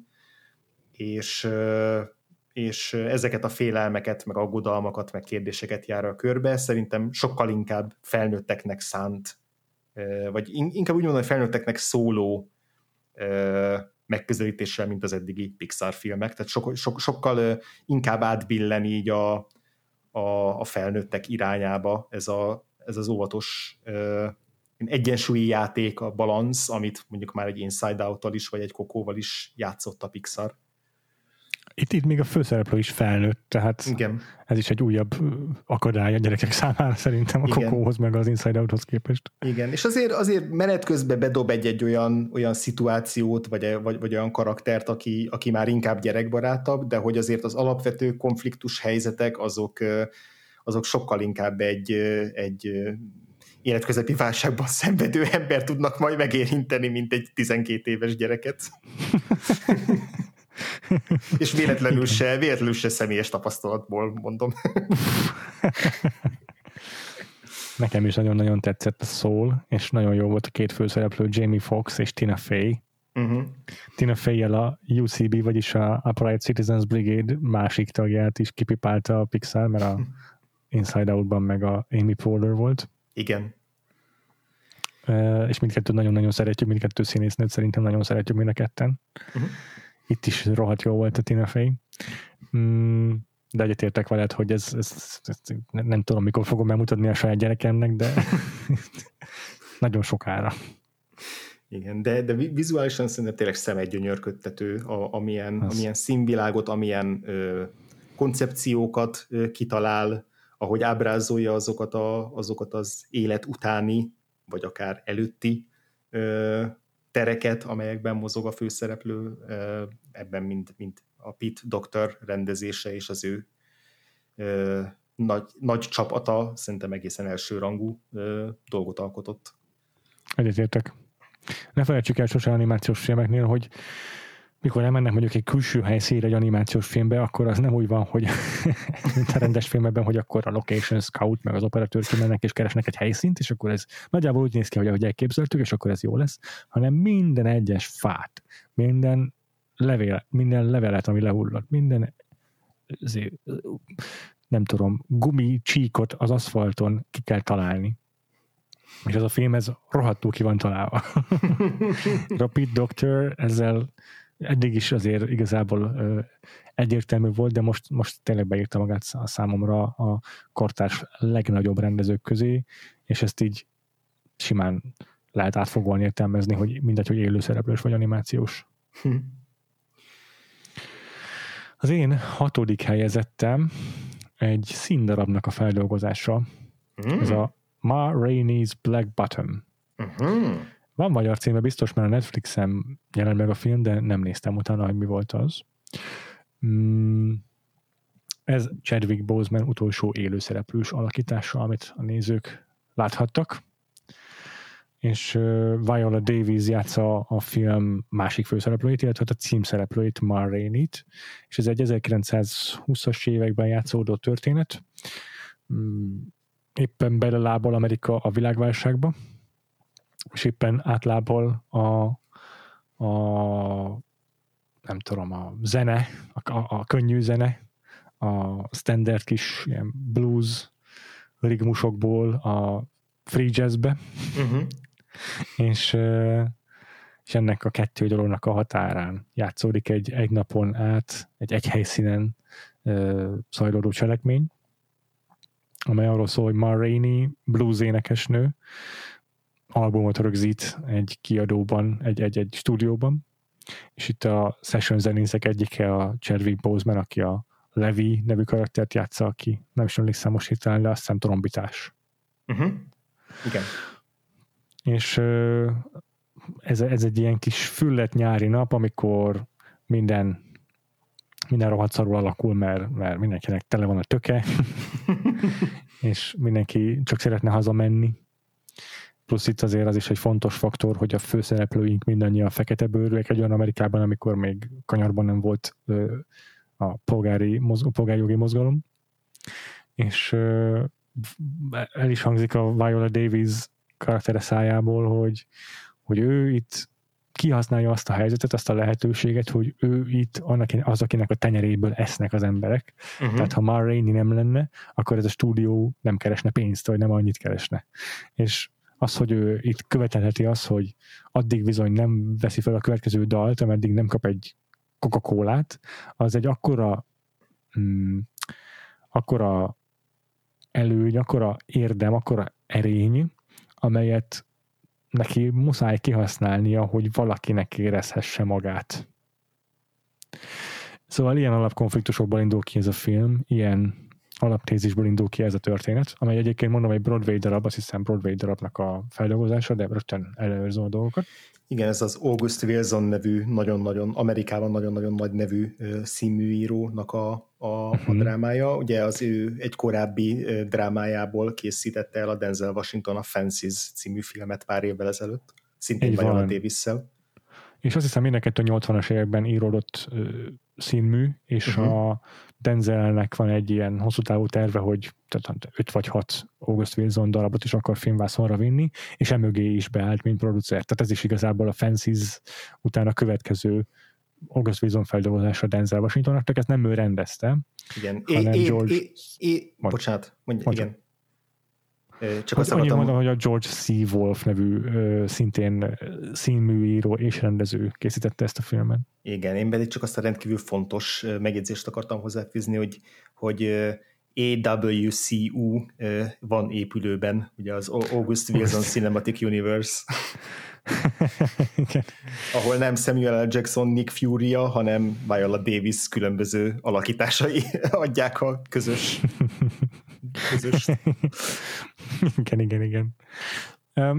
Ez is a Netflixre került, bár eredetileg ez a Denzelnek az HBO-val kötött szerződésének a része volt, mert nem is 5 hanem 10 adaptáció volt tervevéve, bocsánat. Fú. Igen. Mm.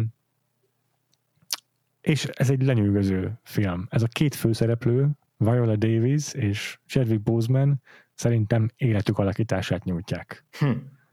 Már most nagyon cinikus leszek, de már látom azokat a cinikus véleményeket, jövő áprilisban, hogy a Chadwick boseman az csak a azért posztumusz Oscar miatt jelölték, mert az életében nem tudták Oscarra jutalmazni.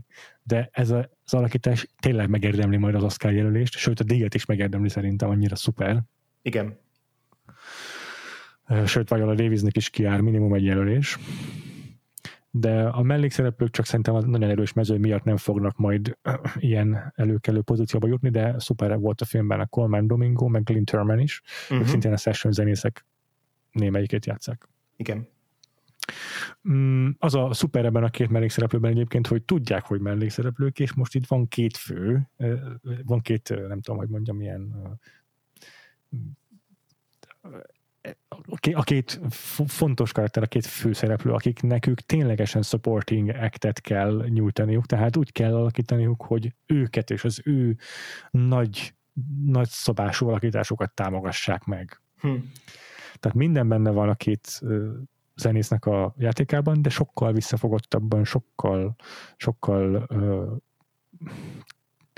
sokkal mm, kevesebb, sokkal kisebb lángon, mint mondjuk a Chadwick Boseman-nél. Chadwick Boseman egyébként egy talán 33 éves karaktert játszik, hm. és elhittem volna róla azt is, hogy 24 éves ebben a szerepben. Igen, igen.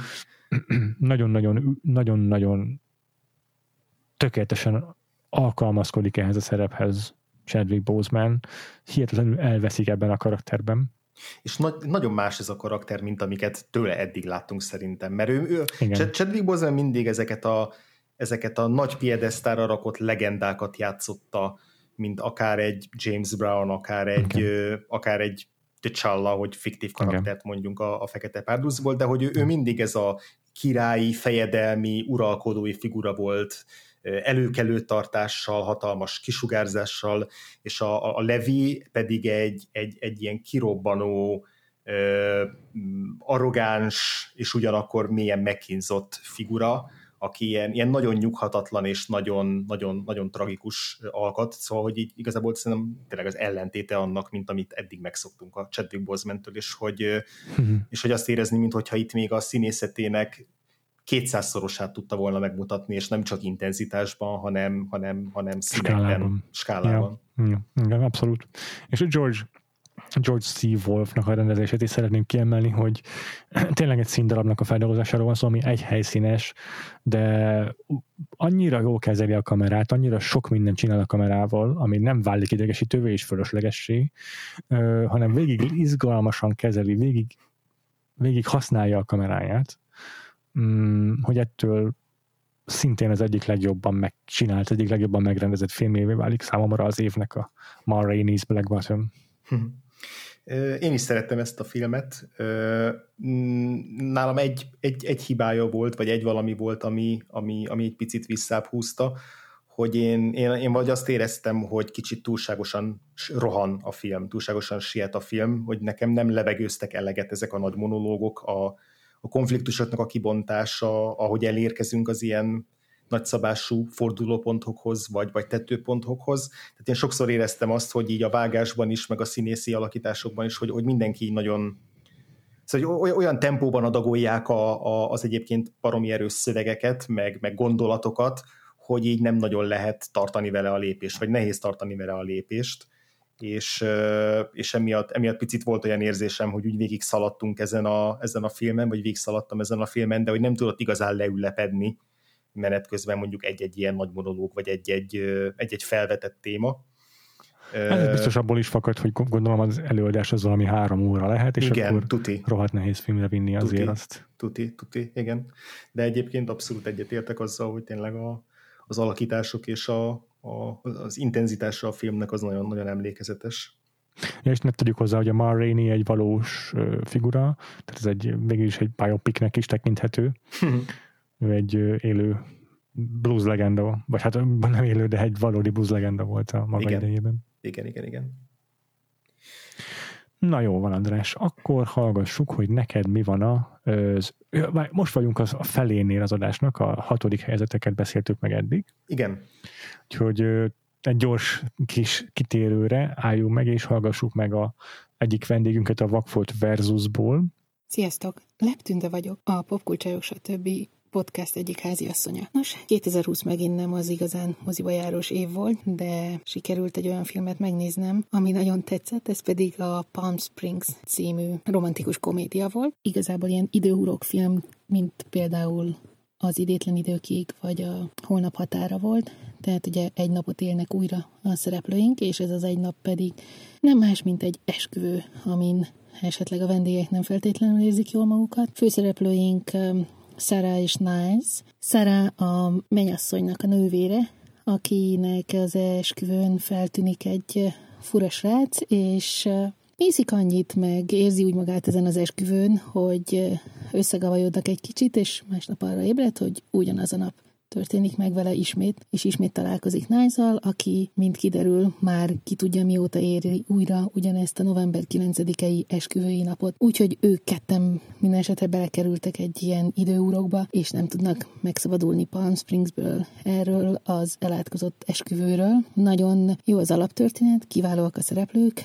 a főszerepet Krisztina Milotti és Andy Samberg játsza, valamint mellékszerepekben olyan nagyszerű emberek tűnnek fel, mint Peter Gallagher vagy J.K. Simmons. Ugye miután rájönnek, hogy igazából nincsen semmi következménye annak, amit csinálnak ezen az esküvőn. Egészen másképpen állnak mind a ketten a dolgokhoz. Az egyikük kicsit úgy érzi, hogy hát akkor ez van, ebből nem tudunk kitörni, hozzuk ki a legjobbat belőle, a másik pedig úgy érzi, hogy hát akkor innen viszont valahogy ki kéne lépni. Úgyhogy találjuk meg a módját, ha már ilyen korlátlan idő rendelkezésünkre. A főszereplők között nagyon klassz a kémia, a sztori nagyon jól van megírva. Kicsit olyan, mint amilyent már megszoktunk az ilyen időhurkos filmektől, de azért más is. Roppant szórakoztató, sármos, kedves és abszolút kielégítő a megoldása is.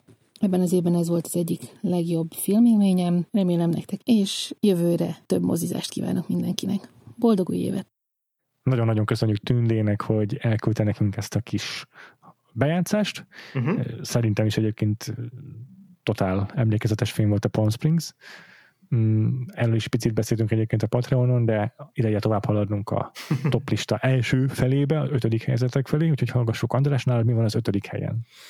Az én ötödik helyezettem a Never, Rarely, Sometimes, Always, úgyhogy Na, nekem is... ezért nem reagáltál. Igen, nekem is, jó, róla. nekem is azt tetszett jobban a, a két film Aha. közül, a, a The Aha. Assistant és a, a Never, Rarely közül. Na és akkor mit nem mondtál el akkor, amikor elmondtad volna, és most fogod elmondani? Igazából nem tudom, mert hogy te elég jól összefoglaltad, hogy miért Mondjuk. emlékezetes ez a film.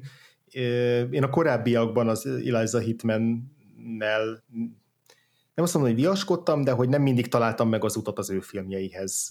Két korábbi filmjét is láttam, és mind a kettőnél nagyon-nagyon értékeltem, és izgalmasnak találtam azt, hogy, hogy hogyan vesz föl például embereket, hogy nagyon ilyen mm, szuper közelre megy a kamerájával, arcokhoz, bőrfelülethez, készhez, egy-egy testrészhez, mm. és mivel ezekben a korábbi filmjeiben így nagyon a, a erotikával, szexualitással foglalkozott, szexuális ébredezéssel vagy kísérletezéssel, ezért mindig ez egy nagyon érzéki hatást keltett a, a kamerájával, de valahogy így a, azzal, hogy a, a narratívával bánt, hogy ilyen nagyon szétfolyó a, a filmjei, nem elég feszes, ez, ez nekem mindig egy kicsit, kicsit, kicsit meggyűlt a bajom, és, és azért szerettem nagyon sokkal jobban a korábbi filmjénél a, a Never Rarely Sometimes Always, mert hogy itt, itt a narratíva is nagyon feszült, és feszes, és, és céltudatos volt, és valahogy azt éreztem, mintha ez úgy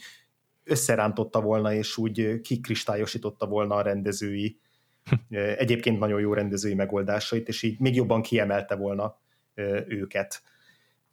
Mert hogy itt is a, az a kézikamerázás, az a követés, amivel a, a főszereplőink útját ábrázolja, az így nagyon behúz minket az ő világukba, és nagyon végig együtt haladunk velük, és ilyen saját bőrünkön érezzük a különböző feszültségeket, amiket ők, ők átélnek ez alatt a egy-két nap alatt, ami a filmnek a játékideje. De hogy igazából már film elejétől van egy nagyon pontos elképzelésünk arról, hogy ez, hogy mi a célja a filmnek, hova kell lejutnia, és, és hogy ezen belül tud nagyon izgalmas lenni így filmnyelvben és ezen belül tudja a karaktereket nagyon jól kibontani, és nagyon rejtélyesen meghagyni. Tehát erről is beszéltünk az adásunkban, hogy, hogy nem sokat mutat magából mondjuk a főszereplő. Ez tök igaz.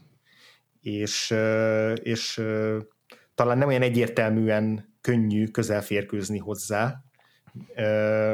Végig van mellette ugye a barátja, illetve unokatestvére, és egy konvencionálisabb film, hagyományosabb film, az megtenné azt szerintem, hogy így nagyon sokat beszéltetni ezt a két szereplőt, és akár expozícióban, Igen. vagy akár csak így felidézve korábbi közös emlékeket, vagy valami témáról beszélve, így, a, így van, arra használná, hogy akkor így jól megismerjük a két karaktert és az ő dinamikájukat, és ez sokkal csöndesebb és visszafogottabb film, sokkal többet vannak csendben a főszereplők is, és így csendben támogatják egymást, illetve haladnak ez a, ezen az úton, amit így ki, a kényszer kijelölt számukra.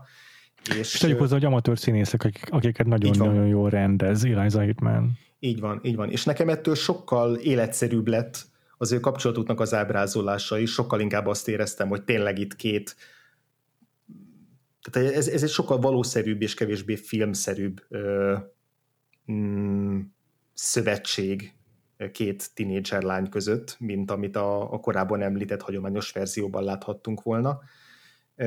És ezért is működik nagyon jól az az egy-egy pillanat, amikor pedig így kinyílnak ezek a szereplők, és amikor úgy át tud törni valami belőlük, a, mint például az általad említett jelenet, párbeszédes jelenetben a film közepén, ahonnan a címét is kapta a film, szóval, hogy igen, Eliza Hitman szerintem ezzel így nagyon nagyon-nagyon szintet lépett, és nagyon kíváncsi vagyok, hogy mi lesz a, a következő film, és nagyon sajnálom, hogy ez a film pont áldozatául esett a koronavírus járványnak abban az értelemben, hogy a konkrétan a bemutató hetén azt hiszem akkor zárták le így a, a, az Egyesült Államokat, tehát nem tudták megtenni azt, hogy elcsúsztatják későbbre a premiért, már, már bekerült a mozikba, viszont gyakorlatilag nulla ember nézte meg, és, és így, és így nagyon, nagyon eltűnt sajnos ez a film így ezzel a, a sülyeztőben.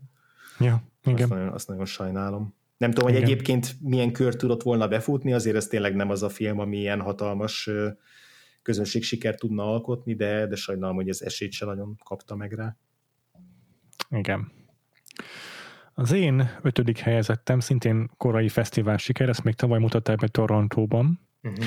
de sose volt kérdés, hogy, hogy hozzáférünk-e valamilyen módon idén, mert az Amazon Studios vásárolta meg a forgalmazási jogait. Ez a Sound of Metal. Ú, de jó, örülök. Na, minek örülsz? Ha nem láttad esetleg, mégis örülsz, hogy nem, hogy, hogy, hogy nálam pont, megnézted? pont lecsúszott a top 10-ről. Pont lecsúszott, értem. Nem sokkal utána van, és akkor nagyon örülök, hogy tudunk róla beszélni. Jaj, akkor én is örülök, hogy örülsz. ez a Sound of Metal, ez már tényleg nagyjából az első plakát megjelenése ott elkezdett érdekelni. A főszerepben Riz Ahmed látható, akit a nézők a vagy akit így mi a, szerintem először a, az éjjeli férekből szerettünk meg, aztán uh-huh. felbukkant a Star Wars filmben, a Zsivány egyesben, meg a Night Off, vagyis azt hiszem Aznap éjjel című HBO minisorozatban is. Uh-huh. És illetve a menete a női mellékszerepet, vagy főszerepet Olivia Cook játsza. Őt honnan is ismerhetjük, András? Hát leginkább az Elefánt ember modern adaptációjából, a Ready Player One-ból, ahol, ahol, ahol ilyen elképesztően elcsúfították szegény, szegény Olivia Cookot, tehát tényleg rá, rá, se, lehet, rá se lehet nézni. Rá se, rá lehet, se lehet nézni. nézni. Én fel se ismertem ebben a filmben, és utólag olvastam, és így nem értettem, hogy ez, ez varázslat. Ez ugyanaz a színész, valóban. Ez elképesztő átváltozás. Szóval a Sound of Metal az ő főszereplésükkel, mm, ő, szereplésük, ő főszereplésükkel készült film, amelyben Riz Ahmed egy metal zenekar dobosát játsza, mm, és a film első pár percében elveszíti ilyen iszonyatos gyorsasággal a hallását. Uh-huh. Ezután nem is akarok sokat spoilerezni, de az még azért fontos, hogy egy olyan fickóról van szó, aki korábban drog problémákkal küzdött. Uh-huh. Szóval ebből a háttérből indul a karakterünk, és az a szerintem a lenyűgöző a filmben, hogy nem az ilyen, ebből a premisszából az a legkézenfekvőbb dramaturgiát járja be, amire gondolnál, amelyben nem tudom, hogy visszaesik az addikciójába, meg összebalhézik a barátnőjével, meg tönkre megy az élete, meg ilyenek, hanem egy teljesen más, sokkal mm, sokkal naturalistább, sokkal visszafogottabb ívet jár be ez a karakter, amelyben azért van helye konfliktusnak, uh-huh. de nem a leg, tényleg nem a legkézenfekvőbb konfliktusokat járja be. Jomoszor például tényleg olyan az a film, hogy feldob uh, ilyen, olyan dolgokat, amiket más filmekben a, a, az ilyen setupok lennének későbbi konfliktusokhoz. Hogy például folyton be szögdécsel a, a, az ilyen rehabilitációs központ vezetőjének az irodájába, ahol nem szabadna neki számítógépeznie, de ő mindig számítógépezik. És ebből sose lesz konfliktus ebben a filmben. Minden uh-huh. más filmben egy óriási balhé lenne a, a tábor vezetőjével. Igen. És, és csomó ilyen húzást csinál ez a film, amitől úgy hangzik, mintha egy unalmas film lenne, de igazából nagyon jó nézni végig Riz Ahmednek a, az útját ebben a történetben. Pláne, hogy tényleg egy nagyon rokonszembes fickó az, akihez ő kerül, akinek a gondozására bízzák, ez a Paul mm. Racy által játszott alak, aki egyébként maga is nagyon, tehát anyanyelvi szinten, hogy hogy mondjam, tehát korai, kora, kora fiatal korától ismeri a jelbeszédet, de azt hiszem, hogy egyébként neki épp a hallása, és maga is aktív rockzenész.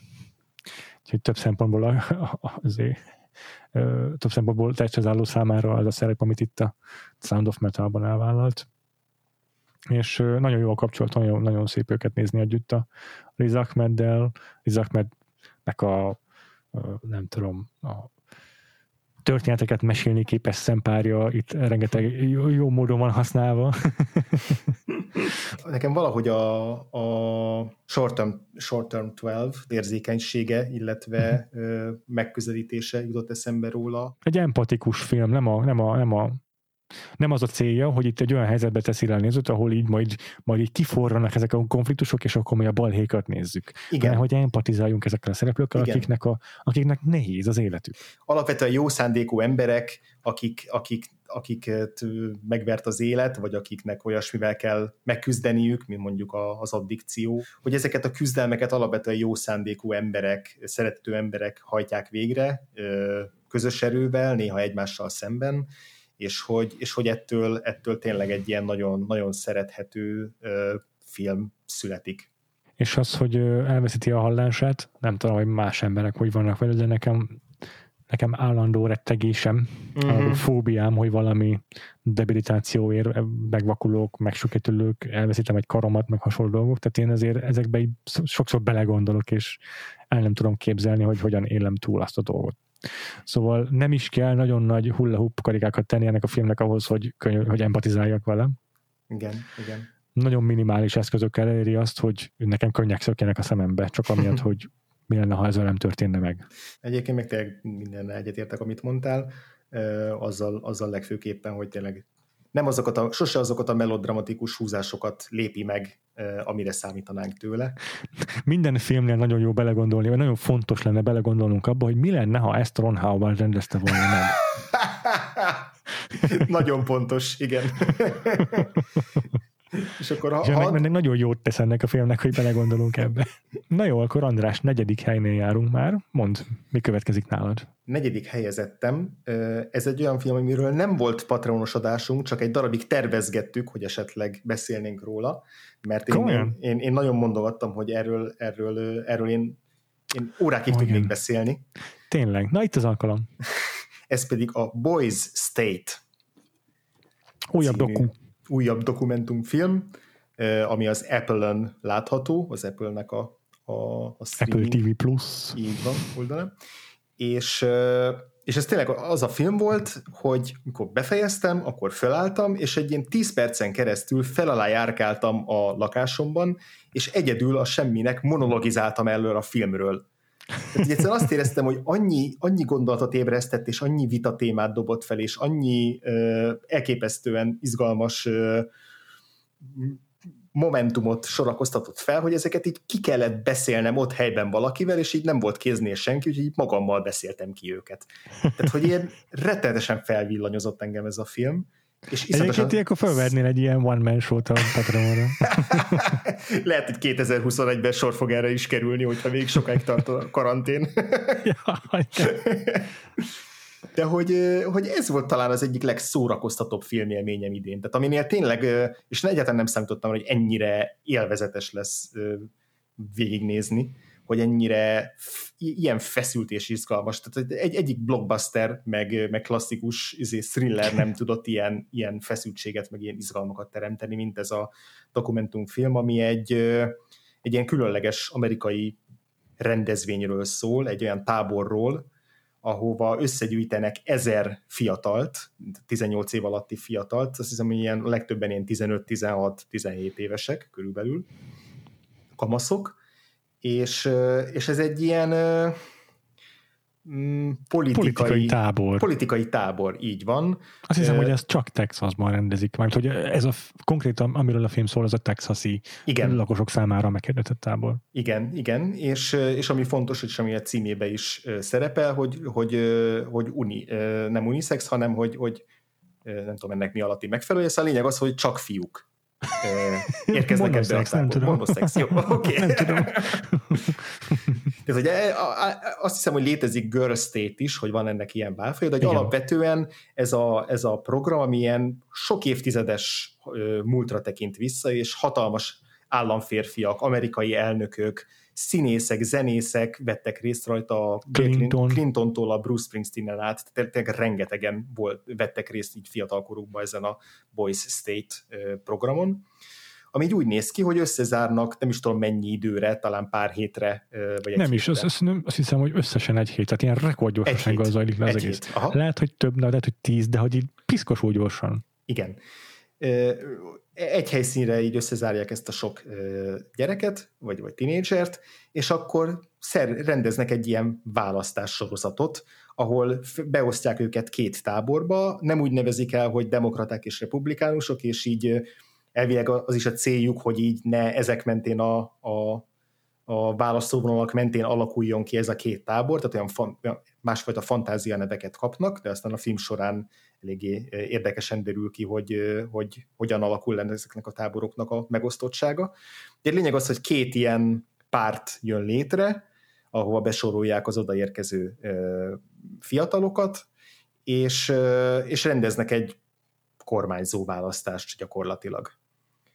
Először, de hogy ilyen rendesen előválasztással, kampányjal, a saját párton belül először pártelnököt választanak, akkor a bizottságokat, akkor szavazatot kell gyűjteni azoknak, akik, akik indulni akarnak a kormányzói tisztségért, akkor utána ilyen fórumokat tartanak velük, kampányvitákat, tehát hogy ilyen nagyon tényleg megpróbálják leképezni azt a folyamatot, ami egy, egy ilyen választási folyamatot ami egy választási folyamat a, való, a valóságban. Uh-huh. És és ami egy a, a film viszonylag eleje felé elhangzik, hogy ennek igazából nincs semmi érdemi kifutása.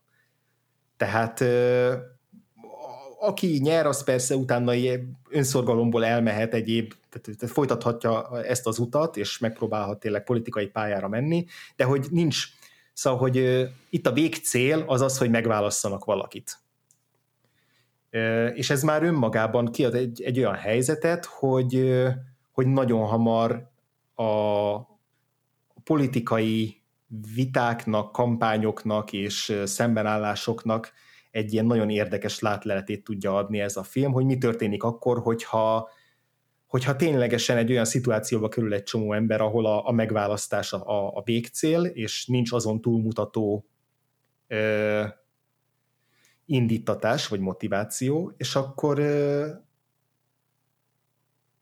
ebben a helyzetben vajon, vajon hogyan, hogyan jelennek meg mondjuk az elvek, hogyan jelennek meg a, a valóságból átemelt célkitűzések, hogyan köszön be a, köszönnek be valós mondjuk ilyen, ilyen vitatémák, vagy, vagy veszélyes témák, mint mondjuk nem tudom, az abortusz, főleg itt Texasban, vagy a, vagy a rasszizmus milyen, a fegyverviselés. Milyen fegyverviselés, fegyverviselés mindenek előtt, igen. Milyen szlogeneket fognak a zászlójukra tűzni a különböző jelöltek? Ezek mögött a szlogenek mögött, lesz, mögött lesz-e valamiféle tartalom? Tehát, hogy már ez önmagában egy nagyon érdekes uh, szituációt teremt, uh, és akkor emellett meg ráadásul szuper jó főszereplőket választ ki magának aztán a film, ez a leglenyűgözőbb húzása a filmnek, hogy bekasztingolták ezeket a fiatalokat. Ugye ezek úgy néztek ki, hogy megkérdezték a tábort, jelentkeztek el ezek a srácok, dokumentumfilmesek elképzel, el, el, elkezdték szervezni azt, hogy lefilmeznek azon a tá, abban a táborban, úgyhogy egy rengeteg gyereket a táborban jelentkező közül meghallgattak, és sikerült azt a nem tudom, négy-öt-hat embert kiválasztani, akik közül majdnem mindegyik valami pozíciót kapott a saját pártjában. Uh-huh. Egyszerűen pont azokat sikerült bekasztingolni, vagy olyan ügyesen kasztingoltak, hogy tényleg fontos szereplők váltak a történetben. Igen és, és aztán ez, erre, a, erre a néhány szereplőre, szerintem elsősorban mondjuk négy ö, szereplőre fókuszál nagyon ö, erősen a film. És Igen, hát úgy... lehet, hogy mit tudom, egy nyolccal forgattak, és abból tudom négy, ez, ami érdekes Abszolút. volt, azt hagyták meg, nem tudom. Simán, simán elképzelhető. Ö, és az, az a négy szereplő, azok ilyen, azok ilyen piszok izgalmas karakterré válnak a, a film során, és nagyon ellentétes figurákat. Tehát lesz köztük a, a teljes opportunista, aki igazából mhm. elmondja egy ponton, hogy ő nem is hisz azokban a szlogenekben, amiket használ, csak így tudja, hogy ezekkel szerezhet majd magának szavazatot. Akkor van egy ilyen, nem tudom már, már ilyen Machiavelli szintre jutó szarkavaró, aki, aki elég hamar eljut odáig, hogy elkezd mondjuk fake newsokat gyártani, vagy legalábbis ö, ö, olyan, olyan eszközöket bevetni, ami, ami mondjuk az ilyen negatív besározó kampánynak a részét képezik. Itt azért az is nagyon tetszett, hogy tényleg egy hét alatt zajlik le ez a tábor, de hogy engem az döbbentett meg, hogy ezek a fiatal tinédzserek olyan profik, hogy uh-huh. ilyen fél nap alatt, meg pár óra alatt összedobnak ilyen Instagram kamu videókat. Igen. Rohadt jó megvágva, meg, meg szerkesztve Igen. kampányolni. Igen. E, és, akkor, és akkor találnak még olyan szereplőket is, akik pedig hát a, a filmnek a főszereplőjévé egy, egy olyas valaki válik, aki, aki valóban igazából már úgy érkezik ebbe a táborba, hogy ő neki tényleg hosszú távú célja az, hogy politikus legyen, és egy olyan politikus, aki szeretne segíteni a közösségén. Van egy, van egy elég határozott értékrendje, uh-huh. elképzelései, és azokkal kampányol itt is. És, és tényleg annyira fantasztikus ez a film, hogy az első alkalom, amikor így az első kortes beszédeiket megtarthatják a jelöltek, és akkor ez a srác, akit eddig csak így követtünk így a, a tömegben, meg így néha így, így mondott valamit a kamerának, megérkezik ott a mikrofon elé, és akkor én ott tartottam, hogy most nem tudom, hogy itt vajon az lesz, hogy ilyen nagyon csúfosan lebőg, vagy, vagy, vagy mi lesz ennek a jelenetnek a, a, a kifutása, mert hogy bőven benne van ebben a, a figurában akár az is, hogy őt itt kinevetik, vagy nem tudom, mert olyan, olyan halkszavú, csöndes, jószívű srácnak tűnik, és így úgy tűnik, mint hogy ez a közeg nem lenne vevő ilyesmire, és aztán egészen meglepő fordulatot vesz ott a, úgymond fordulatot vesz ott a srácnak a, a története, meg, meg még mi is máshogy ismerjük meg, mint ahogy addig láttuk. És, és tényleg a végére ez izgalmasabb már szinte, mint nem tudom, bármelyik fikt, fiktív filmes, nem tudom, elnökválasztás, most nem, nem tudom konkrét példát, de hogy, de hogy annyira, annyira pörgő és felvillanyozó és feszült és karfamarkoló lesz az, hogy mi lesz a végkimenetele ennek a, ennek a küzdelemnek. Egyre jobban kiéleződik a helyzet, kialakulnak itt a, az ellentétek, és, és hát elég, elég, elég erős a filmnek a befejezése is, a tanulsága is. Igen, tényleg erről lehetne órákat beszélgetni szerintem is, hogy, hogy ez mit mond el a felnőtt politikusokról, stb. stb. stb. Igen. Tényleg egy rendkívül gondolatébresztő, izgalmas film. Igen, igen. Mit mond el a politikai rendszerről, mit mond el arról, amit így ezek a fiatalok eltanulnak. A törzsi kultúráról. Na, abszolút igen, tehát hogy helyenként számomra már ilyen, ilyen, ilyen horrorfilmbe csapott át az, hogy, hogy milyen töménységben mutatkozik meg ez a fajta, az a fajta ö, macsó ö, attitűd, ami tőlem borzasztó idegen és, és félelmetes Igen. számomra, és hogy itt, itt több száz, több ezer fiatal skandál ja, egyszerre. persze. És, és, és hogy, hogy, hogy, azt is nagyon, nagyon szépen mutatja a film, hogy, hogy, hogy mi történik, amikor, amikor tényleg nők nélkül szabad, szabadjára engedheti magát a, a, a tinédzser fiatalság a, Jó, fel, a fe, felnőtt férfiak idézőjelben vigyázó szemei által. Ez bármilyen sporttáborban megtörténhetne. Hát ez az. Egy ilyen dokumentumfilm. Ez nem, nem véletlenül nem mondtam soha sporttáborba. jó. Szerintem is nagyon jó film a Boy State, én is tudom ajánlani, hogyha valaki még nem látta. az én negyedik helyezettem, uh-huh. szintén kibeszélős téma, tehát már volt róla külön adásunk, ez a The Five Bloods Spike Lee filmje. Mm. Nálad benne van a top listában? Nincs, úgyhogy Nincs. rajtad a világ szeme. igen, igen. Hát talán ez az egyetlen olyan film, amit így a, a, az idei uh, felhozatalból a nagy rendezők, nagyon uh-huh. várt filmjei közé lehet sorolni, ami be is került a top 10-ben szerintem sokat hozsannáztuk ezt a saját adásában, és tényleg vannak problémáink vele, tehát messze nem olyan ö, kiforrott, messze nem olyan mm, ö, szépen lecsiszolt alkotás, mint a Black Clansman volt. Úgy mondom ezt, hogy a Black Clansman is tele van nagyon hatásos, nagyon hangulatos sarlangokkal. Hm. Tehát nem egy, nagyon, nem egy fantasztikusan lényegre törő rendező a Spike Lee, szereti azért így a, megadni a módját a hangulatos, tudom, egy táncjeleneteknek, meg egy ilyen, eh, kitartja a dolgokat hosszasan sokszor. Eh, na most a The Five Bloods ez a talán legcsok, legcsapongóbb filmje ilyen szempontból, amit én láttam. De így is azért rendelkezik egy elég komoly tézissel, egy elég komoly alapállítással, amit aztán végig görget a filmen, és ezt olyan ö, erővel teszi, és olyan brutalitással, hogy így, mert hogyha öt percenként gázolna el bennünket egy tankhajó. és a politikai állásfoglalását egy pillanatig sem kendőzve vágja az arcunkba Spike Lee. Egy olyan filmben, amelyben mm, öt vietnámi veterán, fekete bőrű vietnámi veterán tér vissza az egykori háború háborús emlékek helyszínére, hogy a hatodik társukat, történetesen pont Chadwick, Chadwick Boseman által játszott bajtársuknak a testét megtalálják, és egy tisztességes végső búcsút vegyenek a egykori szakaszvezetőjüktől. Uh-huh. Mellékesen pedig az is a céljuk, hogy a, az akkor megtalált ilyen rejtett izé, háborús zsákmányokat, kincseket, azokat megszerezzék és meggazdagodjanak. Tehát ilyen kicsit ilyen Sierra Madre kincse, jól mondok, ugye András? Uh-huh, igen. Tehát ilyen kalandfilmes, Abszolút. háborús hátterű történet, de ezt, ezt, ezt, ezt bőven megfűszerezi aktuál politikával, és mm, társadalmi kérdésekkel, problémák feszegetésével Spike Lee, uh-huh. úgyhogy nagyon-nagyon túlmutat a hagyományos kalandfilm premisszáján szereposztásban is eléggé vaskos, és és impresszív ez a film, tehát Chadwick Boseman már kiemeltem, szerintem a minimális szerepében totálisan elhiteti velünk azt, hogy miért volt ő az a figura a főszereplő fiatal korában, akire úgy néztek föl, mint magára messiásra, uh-huh. és a, leg, a fő, fő, főszerepben, akit valószínűleg Oscarra is fognak jelölni, a, azt a Del, Delroy Lindort láthatjuk, akinek olyan monológokat ír itt Spike Lee, hogy, hogy tényleg sokkol, sokkolja vele a nézőt. Igen, talán ez egyik legkomplexebb karakter, akit alkotott Spike Lee. És hát azért ő, az ő filmográfiája bővekedik a komplex karakterekben, nézzük csak meg a Malcolm X-et. Nagyon is, igen. De egyetértek.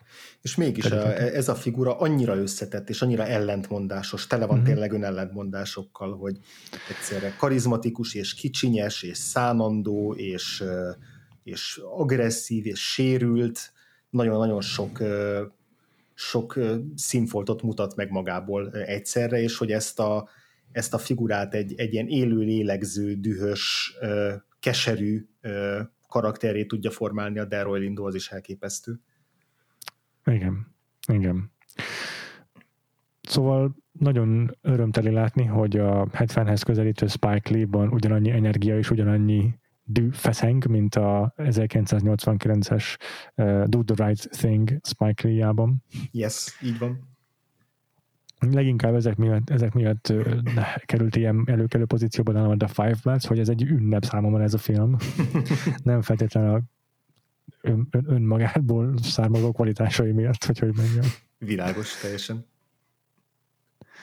Na hát akkor elérkeztünk a top 3-hoz, vagyis most már az élbolyban járunk, itt már tényleg a fajsúlyos, legszuperebb filmek vannak az idei évből. Uh-huh. Azért elmondanám, hogy nálam tehát szerintem nagyon sok olyan film van, ami sokkal hátrébb sorolódott volna, hogyha normális is évünk van. És vagyok adott esetben a gyerekem mellett is tudok moziba járni, vagy nem tudom, ezt még tegyük hozzá. De tehát, tehát gyanítom, hogy az élmezőnyöm az, az meg sőt a a Five Blood is jóval hátrébb lenne egy másik évben. A harmadik helyezettem, Small X, hogy nálam is szerepeljen, uh-huh. és ez a Lovers Rock. Tudtam, hogy neked az fog jobban tetszeni. Igen, tehát te az első és a harmadik részét tetted fel a listádra, én meg a másodikat, hogy akkor minden szerepeljen. ja, nekem az nem annyira tetszett, sőt.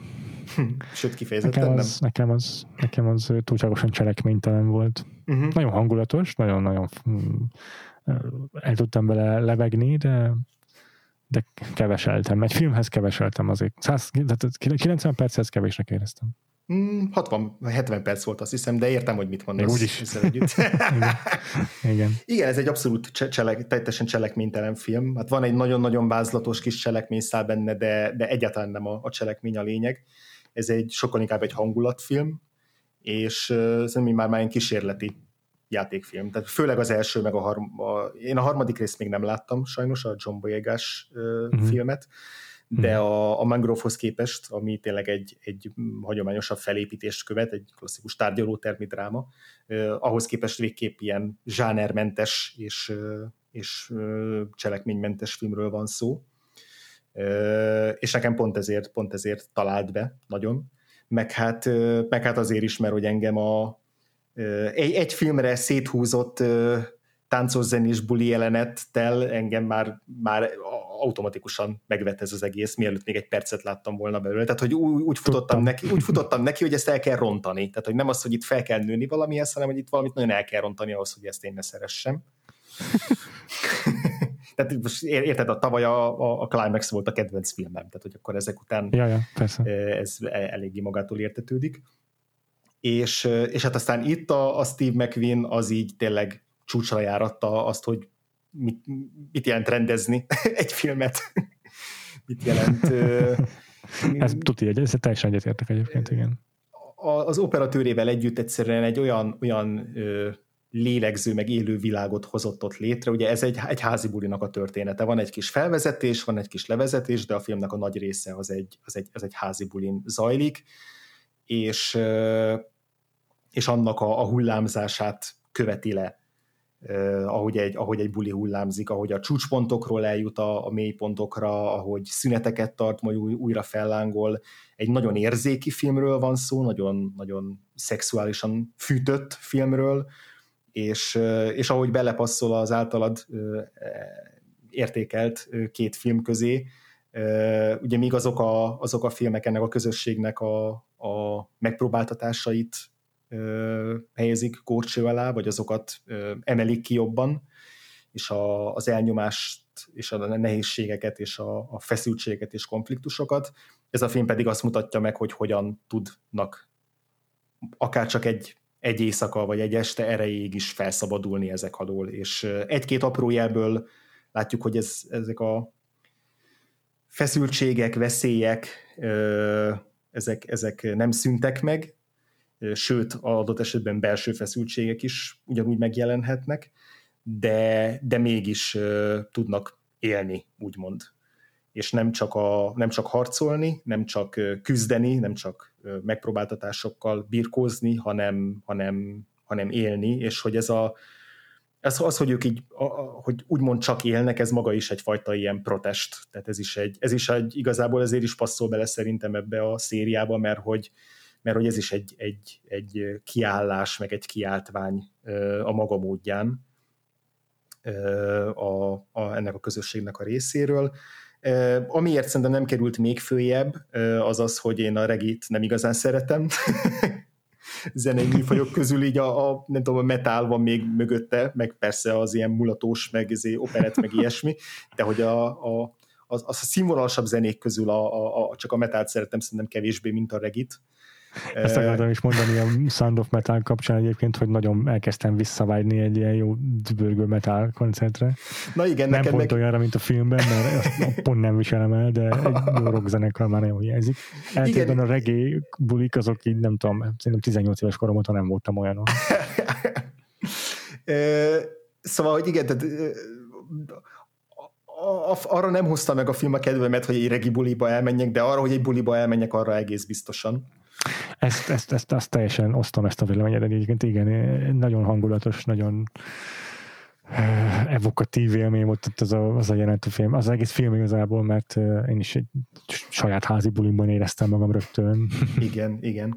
És tényleg nagyon érdekes, és helyenként már már zavarba ejtő a fi, az, hogy a film ezt, ezt hogy kezeli. Tehát, hogy vannak olyan jelenetek, amik sokkal tovább tartanak, mint amennyire úgymond így logikusnak éreznéd igen, hogy, igen. hogy azt érzed, hogy, hogy, hogy jó, ez úgymond funkcionálisan már ki, betöltötte a szerepét, és most már tovább lépnénk egy másik jelenethez, és ő még legalább még egyszer annyi ideig kitartja azt a jelenetsort, és hogy volt, hogy ez, volt, hogy ez, ez, ez, ez, ez úgy frusztrált, és hogy volt, hogy ennek a folyamatnak a végére mégis kaptam valami olyan új adalékot, amit nem kaptam volna meg, hogyha csak az első, nem tudom, három percet őrizte volna meg abból, a jelenet sorból.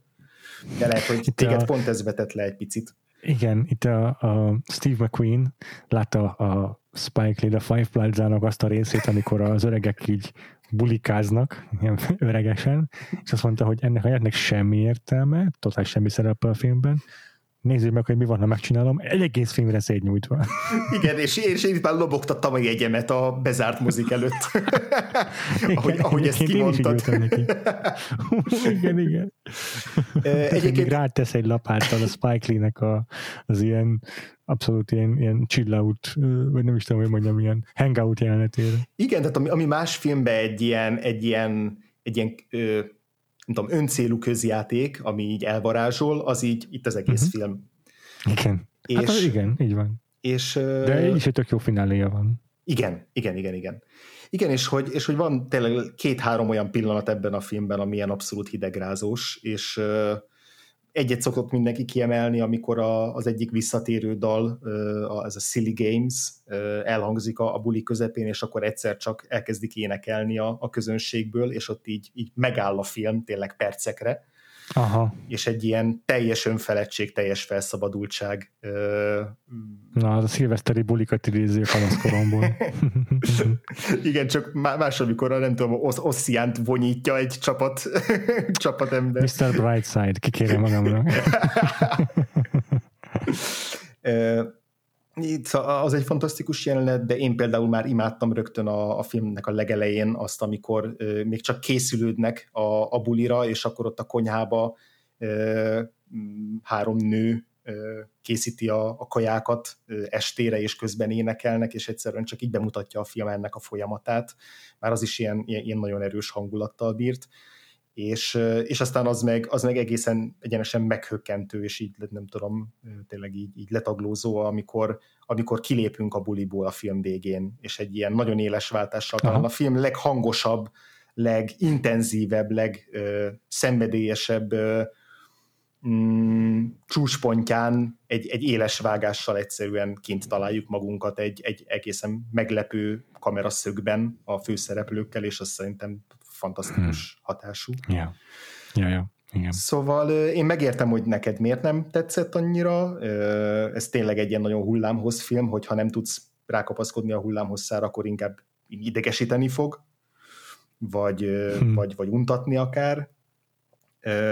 Én, én, én teljesen jól el tudtam veszni benne, és még inkább azt éreztem, mint a felkészülésnél, hogy, hogy ezt, ezt, hogyha ezt nagy vásznon látom, akkor én ott tényleg én ott be, bele sétálok a vászomba, és a jegyződőknek kell leszedniük róla. Ezt száz százalék pontosan ezt akartam elmondani ezzel a filmmel kapcsolatban, hogyha ezt én a Cinefesten látom, akkor eufórikus állapotban távozok a moziteremből.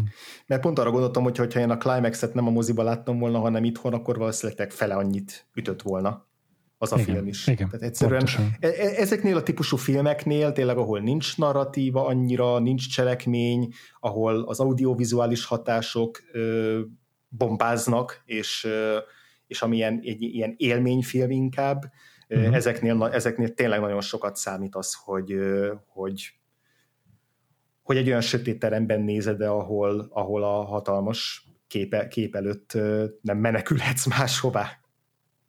Igen.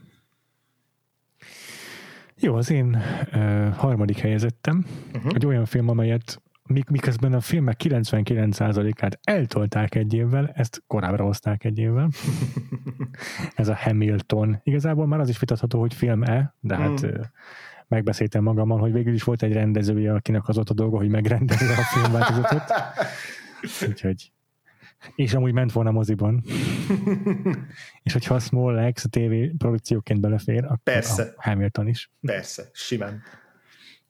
Úgyhogy beválasztottam, és igazából itt el is akartam mondani előtte, hogy bárcsak láthattam volna az American Utopia-t, amit Spike Lee rendezés szintén Broadway feldolgozás, vagy felvétel, ha láthatom volna, hogy az is itt lenne most. De így csak a Hamiltonnak a Broadway showjának a felvétele került a top 10-be, amely egy erről már biztos mindenki hallott, mert évezen róla az internet, minimum, de röviden, tehát az egyik alapító atyáról, az egy Amerikai Egyesült Államok egyik alapító atyáról, Alexander Hamiltonról szóló Broadway mega giga sikernek a kamerával felvett változata ez, amely az, azért iszonyú híres a Broadway siker, mert az alkotója Lin-Manuel Miranda kitalálta, hogy csupa színesbőrű színésszel fogja játszatni a főszerepet, még egyszer mondom, az Egyesült Államok alapítóatjairól van szó, és mindegyik szereplő repelni fog. És az összes repdalt ő írja tök egyedül. Hm. Úgyhogy egy ilyen zenei géniusznak a, a szikrájáról van szó, amit már évek óta imádunk Andrással, uh-huh. és nagyon sokat, nagyon hosszasan beszéltünk róla, sőt, még audio kommentát is felvettünk, szóval aki legalább fél éve már fel van iratkozva a podcastunkra, az túl erről az egészről. Mm, ott is elmondtam, mennyire rajongtam érte, ott is elmondtam, hogy, hogy szerintem még a rendezés is annyira helytálló, hogy, hogy az érvényes, mint egy önálló alkotás, és a Hamilton megérdemli, hogy itt legyen a top listánkon, azt hm. gondolom. Igen, igen. Amellett, hogy maga a film mennyire szuper, meg hogy a, a, a musical mennyire szuper, nekem egy a, az idei év egyik legszebb élménye, meg legkimagaslóbb élménye volt az, amikor, amikor pont nyáron össze tudtunk ülni élőben sok kedves vendégbarátunkkal, és, és közösen fel tudtuk venni azt az audio kommentárt, az így, az így nekem nagyon tényleg ki, ki, kiemelkedő élmény az idei Igen. évből. Nagyon, nagyon jó, jól esett végigcsinálni. Igen, nekem is. És akkor uh, itt újból tartsunk egy kis szünetet, hiszen vendégünk volt az idei év során tucatszor minimum, Cyclo, az Oscaros adásban, az audio kommentárban, Ázsia évadban. Vak volt versusban, Ázsia évadban rengetegszer bukont fel, és ő is nagyon szerette a már emlegetett szólt, és a Hamilton-t is, úgyhogy hallgassunk meg, miről fog beszélni ezek közül. Uh-huh. Sziasztok! Bevallom, egy kicsit felkészületlenül ért, amikor András és Péter megkért arra, hogy küldjek egy kis hanganyagot az idei kedvenc filmemről, mert teljesen abban a hitben voltam, hogy nekem majd az Oscar diátadós dologig rengeteg időm lesz pótolni, és saját top listát állítani, meg ilyenek, úgyhogy arra így láttam még én idén filmet, de abban biztos vagyok, hogy a nyáról a Hamilton az egy kiemelkedő élmény volt, nem tudom mennyire számít filmnek, mert ő lehetne most ilyen filozófiai vitákba belemenni, de az, az biztos, hogy ha valamire fogok emlékezni 2020-ból az az, hogy egyrészt kijött ez a film, másrészt, hogy részese lehettem ennek a vakfoltos viewing partinak, ami egy, tényleg egy hatalmas élmény volt, úgyhogy azt külön köszönöm a srácoknak. Ezen kívül, ami a héten jött ki, és szerintem talán a létező legjobb időben, pont az ünnepek tájékán egy ilyen évben a, az a Pixarnak a Soul című alkotása. Lehet, hogy sokan vannak, akiknek egyébként az Inside Out kreatívabb, vagy a Coco szentimentálisabb, de én nem tudom, én úgy éreztem, hogy hasonló témákat boncolgat a szól is, de hogy ez, ez valahogy inkább hozzám szólt nem tudom, ezt érzem talán a legfelnőttebb alkotásnak, vagy ahol a legjobban, legmértéktartóbban vannak eltalálva az arányok, és egyszerűen egy, egy hatalmas nagy adag, nem tudom, optimizmus, meg életigenlés és pozitivizmus árad ebből a, ebből a filmből. Nagyon-nagyon-nagyon szerethető, végtelenül kreatív az animációs stílusa is, a sztorinak a struktúrája teljesen egyedi szerintem, anélkül, hogy ezeken azt lehetne érezni, hogy ezek nagyon-nagyon tolakodóan próbálnak újak lenni. Imádtam a zenéjét, egyelőre talán ez a kedvenc filmzeném, amit hallottam, úgyhogy a legjobbakat nektek srácok és a hallgatóknak is. Sziasztok! Köszönjük szépen Cyclónak, hogy mesélt ezekről a, a, a filmekről, illetve köszönjük szépen Herceg Zsófinak is, aki szintén az egyik kedvenc idei filmjének a Soul-t választotta. A zseniális Don Hertzfeld nem hype túl a World of Tomorrow harmadik epizódját, épp hogy csak csepegtette az információkat, hogy valami készül. Aztán október 9-én minden Hertzfeld rajongó eldobhatta az agyát a 34 perces harmadik résztől, a The Absent Destinations of David Prime című epizódtól, amivel egy újabb tökéletes trilógiával bővült a filmkánon. Öt évvel ezelőtt Hertzfeld egy rendkívül gazdag univerzumot hozott létre, ami kiapadhatatlan forrást jelent a létünk értelmezésével és a jövőnkkel kapcsolatban. Az első filmben a négy éves Emily és a sokadik klónja tesz egy mentális és időbeli utazást a kislány emlékeiben és a jövőben, a másodikban egy rebellis Emily klón önállósodási kísérletét láthatjuk, a harmadik rész pedig David Prime-ra, Emily klónjának szerelmére fókuszál, akit az első részben ismerhettünk meg. Ugye a folytatásokkal mindig az a félelem támad az emberben, hogy mit tehet hozzá az előző részekhez. De Herzfeld World of Tomorrow univerzuma bővelkedik a kidolgozható ötletekben, és a harmadik etap csak még tovább gazdagítja ezt az univerzumot. David az első részben Emily múzeumi szerelme, aki hirtelen halálával eltűnik a lány klón életéből, itt pedig egy egész cselekmény szállat kap. Vagyis hát nem csak ő, hanem a klónjai is, akik nem mindig sentikálnak jóban. Minden spoiler lelövése nélkül Herzfeld egy új zsánért a thrillert is behozza a művészetébe ezzel a filmmel, úgyhogy a World of Humor egyszerre hihetetlenül aranyos és humoros, miközben a rendező egy iszonyú komplex és izgalmas világot hoz létre, tele létfilozófiai kérdésekkel, mint például, hogy mitől vagyunk azok, akik, létezik-e alternatív valóság, vagy a múlt megváltoztatásával vajon a jövő is megváltozik-e. Közel négy éve vártuk Tom Moore új filmjét, a Wolfwalkers-t, melyet a rendező csak úgy, emlegetett, hogy az ír folklór triptihonjának záró darabja. A keresztitkával az írek egyik legnagyobb nemzeti örökségének keletkezését, a 9. században írodott Kelsey Codex létrejöttét mesélte a tenger dalában pedig a saját gyerekkori traumáját jelenítette meg fókatündérekkel, koboldokkal, bagoly boszorkányjal, kelte istenekkel és istennőkkel. Az ír folklór trilógiát a Wolfolker zárja, mely könnyedén hozza Tom Moore korábbi filmének nagyon magas színvonalát, nem csak a szemkápráztató vizualitásában, hanem történetében is. Az 1600-as években játszódó sztori két kislányról szól, akik külön világból jöttek. Egy farkasvadász, egy szemlánya Robin a civilizációból, a szintén egy kemé pedig a vadonból. Még különleges képessége, hogy farkassá tud változni, vagyis egy wolfwalker, akikkel sok éve egyességet kötött a falu, hogy békén hagyják egymást. És hát ez az egyesség kerül veszélybe, és feszül egymásnak a romboló szabályokkal teli társadalom és a háborítatlan természet. Ám a városi lány Robin annyira kíváncsi, makacs és tiszta szívű, hogy nem lehet visszafogni vágyait, és egy véletlen folytán összetalálkozik Mébel, aki bevezeti őt ebbe a fantasztikus és szabad világba, amit a Wolfwalker lét jelent. A filmről hónapok óta odákat zengenek a kritikusok. Sokan úgy emlegetik, hogy a Cartoon Saloon, ez az írstúdió, ahol készült a film, egy teljesen új szintre emelte az animációt, és a film egy felkavaró mestermű. A látványvilága csodálatosan izgalmas, a története tele van tanulsággal, a karakterek példaértékűek, a zenék pedig magával ragadóak mint minden Tom Moore filmben.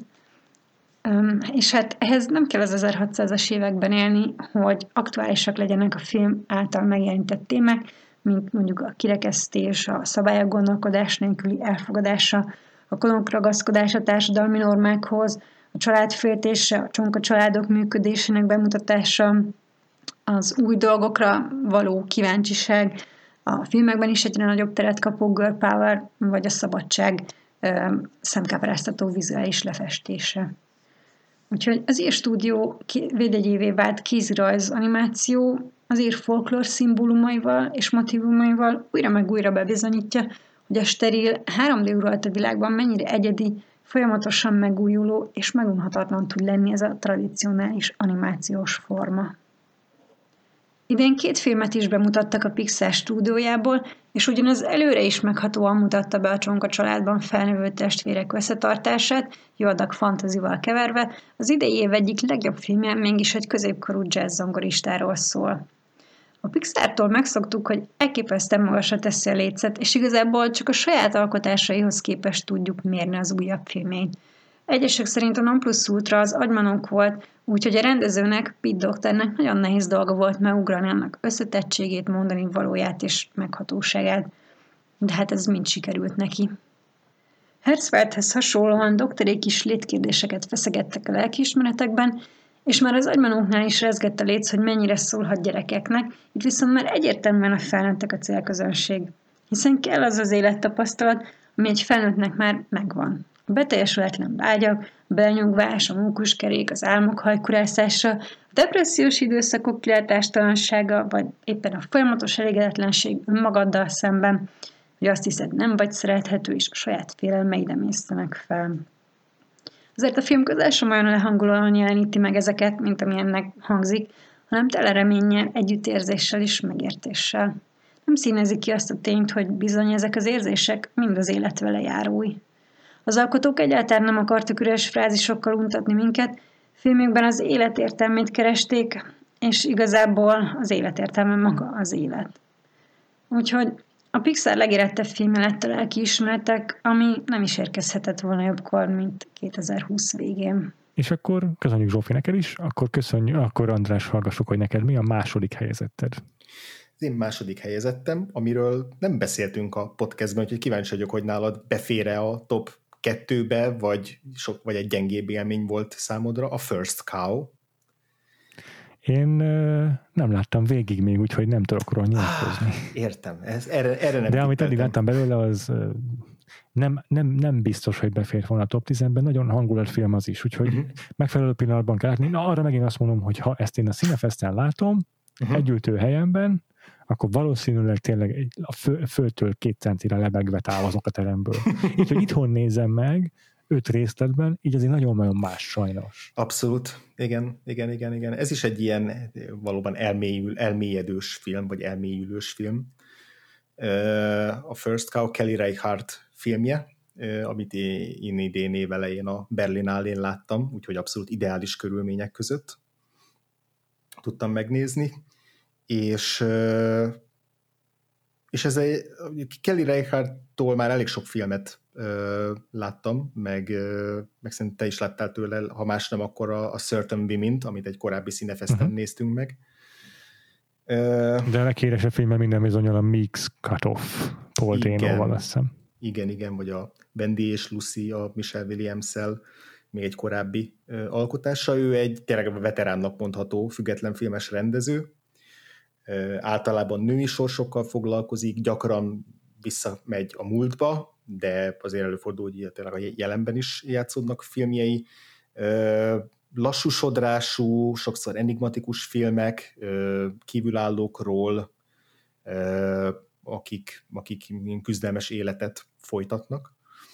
És ebbe a sor mintába így belepasszol a First Cow is, ami a 1820-as években játszódik, Oregonban, tehát ez ugye az amerikai civilizáció születésénél gyakorlatilag. Hogyha az amerikai civilizáció alatt a fehér bevándorlók... A fehér ember által a civilizációt értjük. Így van, így van. Mert hogy ez egy nagyon erőtes bevándorló történet, a film. Főszerep, két főszereplője egy, egy fiatal srác, aki a helyi orosz prémvadászokkal együtt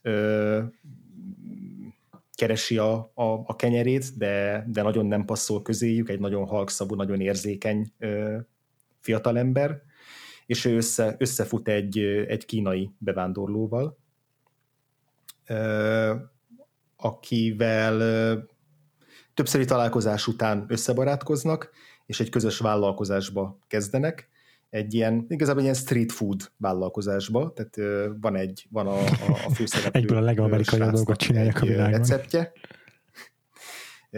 Egy receptje egy ilyen, nem tudom, oily cake-nek hívják a filmben, ilyen funk, igazából egy ilyen funk recept.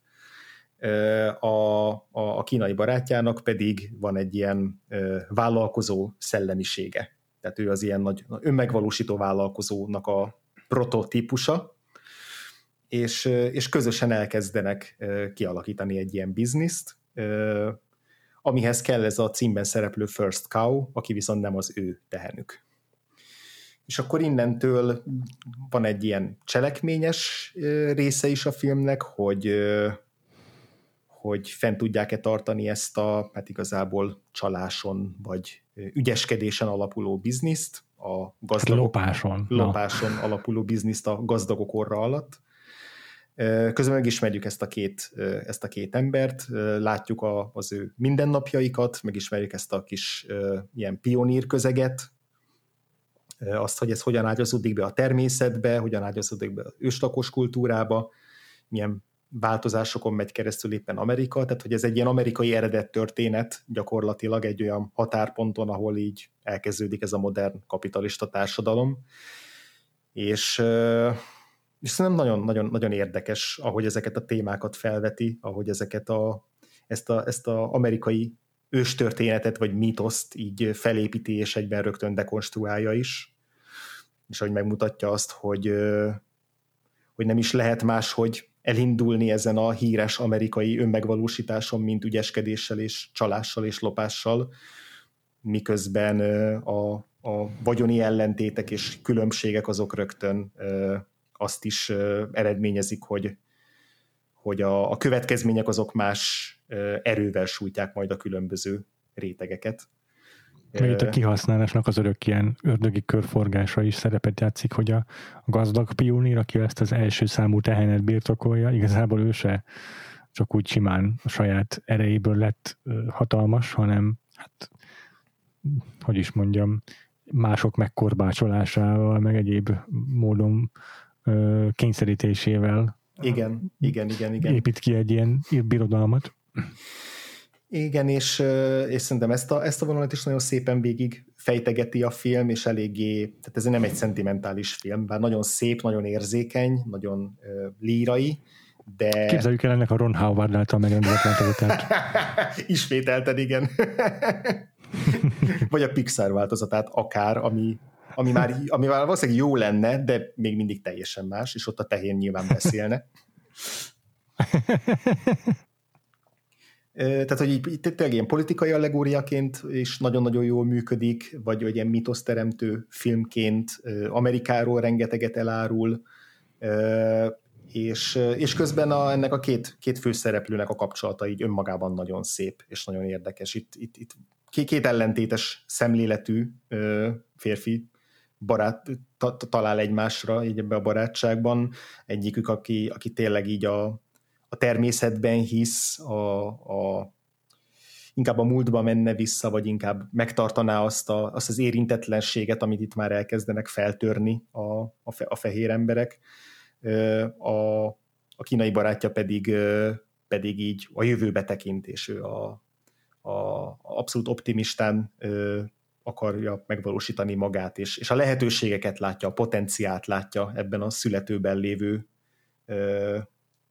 hát itt még nem is országban, de igazából ugye arról van szó, nemzetben, és, és hát nagyon érdekes, hogy ezt, a, ezt az ellentétet hogyan vezeti végig a film, és milyen nyugvópontra jut benne, amit nem árulok el, mert ugye te azt még nem láttad. Köszi. Szerintem nagyon szép film, nagyon elgondolkodtató, nagyon megnyugtató is helyenként, tehát tényleg ilyen, ilyen chill out filmnek is jó, de közben, de közben meg tényleg van egy ilyen nagyon keserű és kemény éle.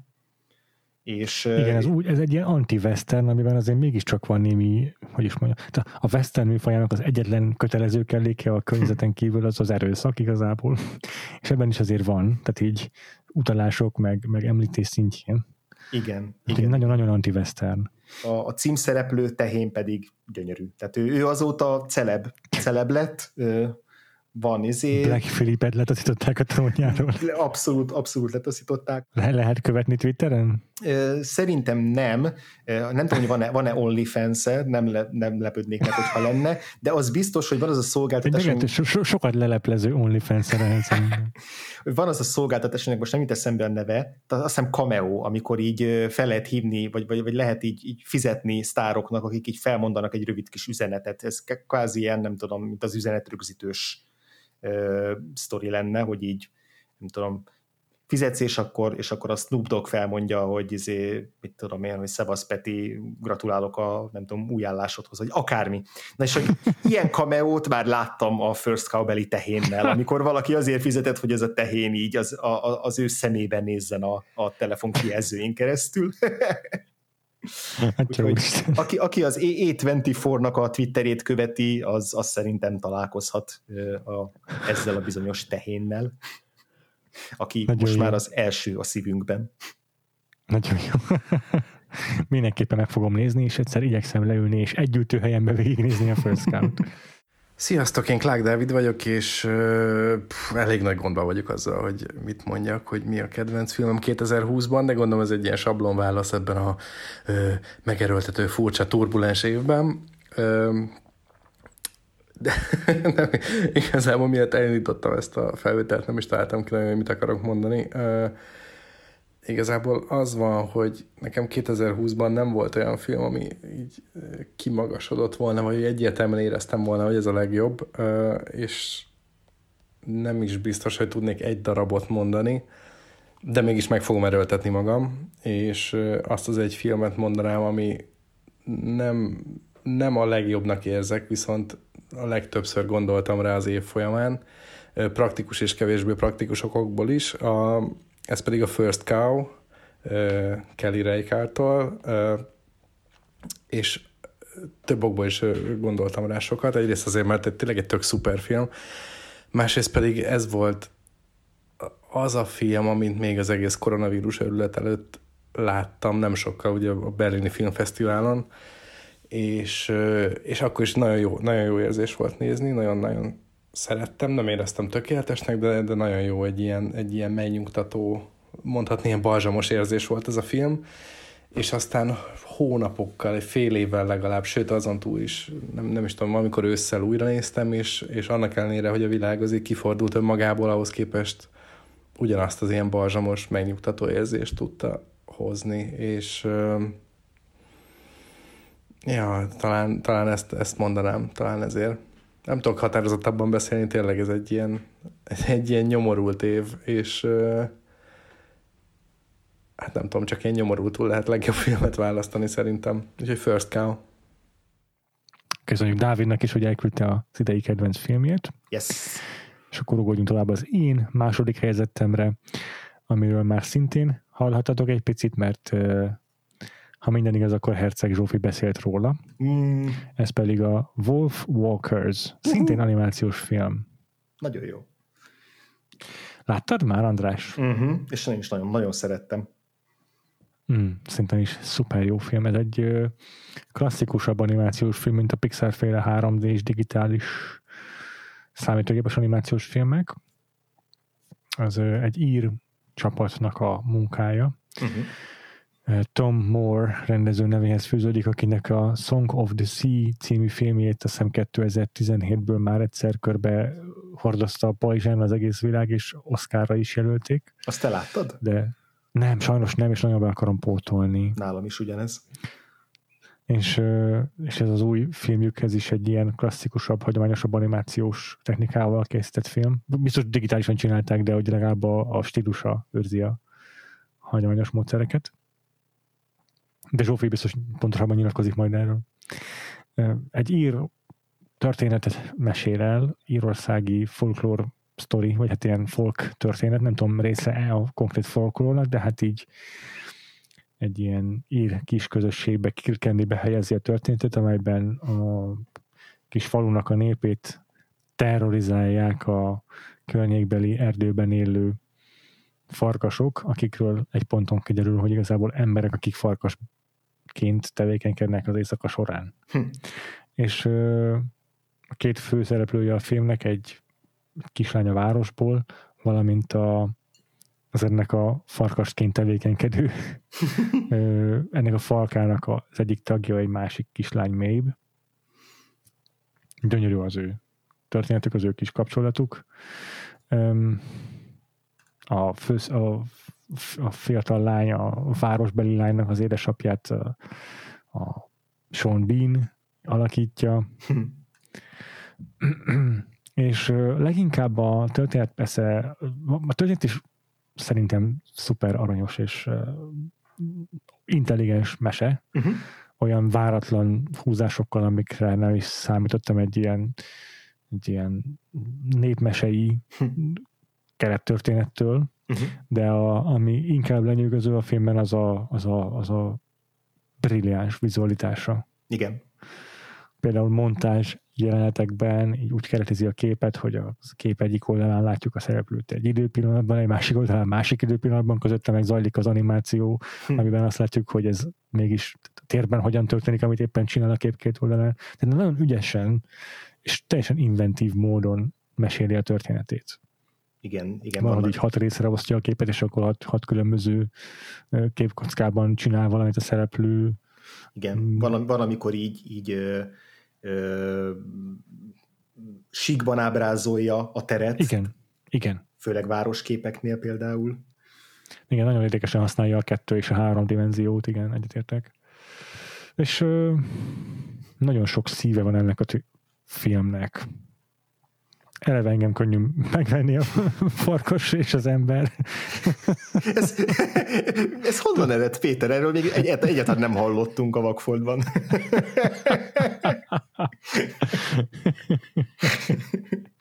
nem tudom. De szuper jól néznek ki ezek a ezek a Wolfwalkerek a filmben, ugye a főszereplő is egyike a farkasoknak, és meg lehet őt különböztetni a többiektől, egyszerűen egyszerű kis eszközzel a szeme másmilyen, mint a többi farkasnak, de így lelkeszíve van az összes ilyen megszemélyesített farkasnak a filmben ezáltal. Mm, van egy egyszerű szabályrendszere is ennek a dolognak, tehát az, hogy hogyan válik valaki Wolf Walkerré, és ezt is ügyesen szerintem jól kihasználja a dramaturgia, tehát egy intelligens forgatókönyv, forgatókönyvről van szó, még egyszer ismétlem. Nagyon, én, én is nagyon szerettem ezt a, ezt a filmet, és én, én is a, a elsősorban a, a, az animációnak a, a, az invenciózussága miatt, uh-huh. és a sok, sokoldalúsága miatt tényleg annyira, annyira sokrétű, ahogy ahogy egy-egy különböző rétegeit ábrázolja ennek a, ennek a mítosznak, ennek a fabulának, különböző nézőpontokat ö, választ el, és emel ki, és különít el egymástól, spoilerek nélkül. Sokszor, engem, sokszor, amikor így a, nem tudom, a szereplőnek a haja ö, úgy lebeg, lobog, hogy, hogy még az is egy, egy, egy, egy újabb invenció, hogy eszembe jutottak az ilyen Jankovics Marcel, meg Nep, Nep József, meg ilyen hasonló magyar animációs népmesei feldolgozások. Igen, igen. Hát így ebben a, a természet és civilizáció összecsapása kérdéskörben meg a, a, azért sok Ghibli filmmel is szerintem párhuzamba lehet állítani. Hangulatában igen. is helyenként, bár azért nem vonnék teljesen egyen, egy, egyenlőségjelet, azért más, más a, az érzékenysége ennek a filmnek, mint a, a Ghibli filmeknek. Igen. És akkor hallgassuk meg, hogy Veres Szilárd, aki szintén a horror évad után tér, tér, tér vissza hozzánk, milyen filmet választott a kedvencének. Üdvözlöm a Vakfolt Armit. Én ideszét egyáltalán nem néztem filmet vagy sorozatot, így nem igazán volt energiám idén egy helyben ülni és csak passzívan nézni egy irányba, az igazság. De Zanka James tetszett a legjobban abból a kevés filmből, amit láttam. Uh, Adam Sandler fantasztikus benne, minden egyes karakter, az egész film világa annyira kidolgozott, mint egy fantasy világ kb. Csak éppen nagyon realista, hiperrealista elemekkel. Uh, imádom, imádtam a történetvezetését, nagyon szeretem az olyan filmeket, amik alapvetően arról szólnak, hogy az univerzum káosz, és a szervező eleme káosz, és ezért ilyen folyamatosan kiszámíthatatlan történetvezetése van, mert folyamatosan rájátszik azokra az elvárásainkra, hogy egy filmet nézzünk, és olyan dolog történjenek, ami egy filmben történne, és ehelyett az történik általában, ami a valóságban történne, ami kiszámíthatatlan és irányíthatatlan káosz, és a dolgok egy picit rosszabbra fordulhatnak, akkor általában rosszabbra is fognak fordulni. Ezen kívül, hogyha újra társaságban néztek filmet, és szeretitek a nagyon rossz trash akkor ajánlom az After We Collided című filmet, ami az After című filmnek a folytatása, ami egy Harry Styles uh, Wattpad fanfiction alapján készült, csak megváltoztatták uh, Harry Styles nevét Hardenre, meg uh, Zion nevét Zaydenre, vagy valami ilyesmi, uh, és ehhez hasonló dolgok. Az első egy unalmasan rossz film, tehát hogy a legtöbb uh, drámailag fontos uh, jelenet uh, zenés montázsa el van intézve, gyakorlatilag kisporolták azt, hogy megírják a cringe-t. Uh, a második részből nem, a második rész fantasztikusan rettenetes trash, az alakítások rémesek, én láttam, ne, ne aggódjatok, hogy nem láttátok az első filmet, nyugodtan nézzétek meg a másodikat. Én láttam az első filmet, nagy részét nem értettem, hogy mi történik a második filmben. Uh, gyakorlatilag, mint hogyha nem is láttam volna az első filmet. Nagyon bizarr, és uh, csak annyit mondok, hogy Roger Crumble rendezte, a, aki a Cruel Intentions-t, uh, vagyis a kegyetlen játékokat rendezte még többek között. Szóval ha nagyon rossz tini drámát akartok rende, nézni, amit viszonylag idős emberek írtak 16 éves célcsoportnak, abszolút ajánlom. Főleg alkohollal és főleg társaságban. Egyébként tök jó, hogy a széled ezt a filmet választottam, mert én el is felejtettem, hogy ez, hogy ez az idei éves mezőnyben volt. jó, nem mintha bekerült volna a top listába, de örülök, hogy emlékeztetett rá bennünket, hogy idén volt egy jó Adam Sandler film. Úgyhogy igazából 35 filmet láttam, hogyha 36-ot már. Elképesztő. Az adásunk végére szerintem föl fog menni ez 50-ig is, ha így haladunk. Anni, annélkül fogod bővíteni a letterboxos listádat, hogy megnéznél most ténylegesen ezek közül bármit is. Legjobb. Pontosan. legjobb. Na jó, András, első helyzetnél járunk. Uh-huh. Nagyon fogsz gyűlölni. Mert valami nagy csalás, valami YouTube klippet választottam első helyzetet. Nem, annyira nem fogsz gyűlölni. TikTokot. Mikor, ha nem 2020-ban mi? És az első helyzetem egy podcast. nem, csak egy dokumentumfilmet választottam, amit ráadásul kb. senki nem látott. Nem csak itthon, hanem máshol se de egyszerűen ez a szintén Berlinálén elkapott film, ez ott, az, ez ott engem annyira, annyira elvarázsolt és elrabolt és meglepett és foglalkoztatott utána még hetekig, hogy nem vagyok százszerzalékig meggyőződve róla, hogy ténylegesen ez megérdemli mondjuk az első helyet, lehet, hogy egy újranézésnél nem tudom, változna ennek a filmnek a helyezése nálam, de de, de akkor és ott biztos, hogy ez, ez érintett meg a legtöbbféleképpen, és valahogy ezt akartam így, így tisztel, nem tudom, megtisztelni azzal, hogy az első helyre rakom. Ez a Bloody Nose Empty Pockets címet viselő film. De ez játékfilm. Hát ez az, hogy ez egy ez egy nagyon fura film. Hibridnek nevezhetjük talán átmenet dokumentumfilm és fikció között. Jó, igen. Lehet nevezni csalásnak is, akár. Bár az alkotók többnyire nyitott, nyílt lapokkal játszanak a filmmel kapcsolatban, de például a Sundance-en az a dokumentumfilmes szekcióban mutatkozott be, és amikor én nekiültem, akkor én abszolút dokumentumfilmként ültem neki. Azt tudtam, hogy van benne valami kis extra, hogy valamit, valamiben rendhagyó, de azt hittem, hogy csak így formailag nyújt valami újdonságot. És úgy is néztem végig elsőre, hogy ez egy, ez egy, ez egy dokumentumfilm, és így teljesen lenyűgözött, és, és el, el, tényleg elbűvölt. Egy bezárás előtt lévő kiskosmába játszódik, tényleg olyan, kocsma, ami mint a Kispesten lemész az ülői útra, akkor körülbelül ilyen talponállókat találsz, valahol eldugva egy, nem tudom, épületnek a hátsó sarkában, tehát tényleg ilyen félreeső helyen, csak ez éppen Las Vegasban található és... Köz, kamaszkorom helyszínei. és, és tehát, a bezárás napján, tehát hogy ez a, ez a kis kocsma, ez, ez meg fog szűnni, és akkor a törzs vendégek még egyszer utoljára eljönnek, hogy, hogy leígyák magukat igazából ennek a helynek a tiszteletére, és elbúcsúzzanak tőle, ami sokuknak második otthonuk.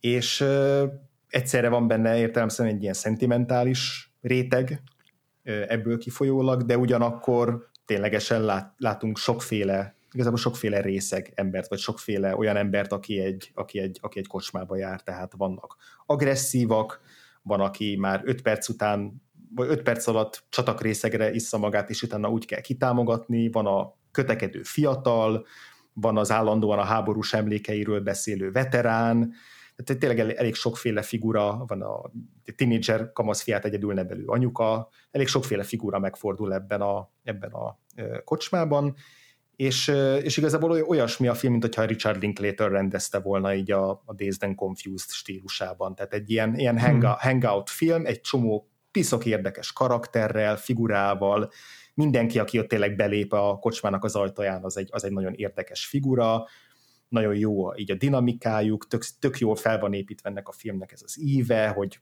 a, hogyan jutnak el addig a pontig, amikor kilépnek, és akkor bezárják majd az ajtót. És ez már film közben is így feltűnt, hogy azért ez tényleg nagyon egybe van ez a film. Tehát, hogy annyira, annyira érdekes benne mindenki, annyira jók ezek a jelenetek, annyira ki van élezve minden szituáció, hogy, hogy így nem tudom, csoda, hogy ez, ez, így, ez így tényleg a valóságba el tudták lesni. És aztán a film után derült ki, amikor az alkotók a színpadra léptek és elkezdtek velük beszélgetni ilyen Q&A-ben, hogy azért, azért itt ebbe benne volt az alkotóknak a keze bőven, és hogy ez, ez félig valóban fikció. Ugyanis arról van szó, hogy, hogy részben megrendezett ez a film, tehát nem, nem Las Vegasban játszódik, hanem New Orleansban, és ez a kocsma ez nem egy bezárás előtt létező kocsma, hanem egy, egy, egy helyszín, amit kiválasztottak arra, hogy ezt a, ezt a filmet megalkossák. Akiket, akik a szereplői a filmnek, ők mind valóban hát kvázi alkoholisták, vagy hát kocsmába járók, tehát úgy castingolták ezt a filmet, hogy körbejártak egy csomó kocsmában, és akkor ott akik érdekes figurákat találtak, őket megkérdezték, hogy benne lennének egy ilyen közös, tulajdonképpen improvizációs játékban, gyakorlatilag annak tekinthetjük ezt a filmet. Igen. És akkor felépítettek egy ilyen alappremisszát, hogy akkor legyen ez a bezárás előtti kocsma, aminek ti vagytok a törzs vendégei, és onnantól kezdve viszont valóban ott tényleg folyt a viszki, meg a sör, ott valóban lerészegettek az emberek, és hát egy idő után már biztos, hogy vagy hát nem biztos, de ugye itt felmerül kérdés, hogy akkor ki mennyire a kamerának játszott, ki mennyire nem.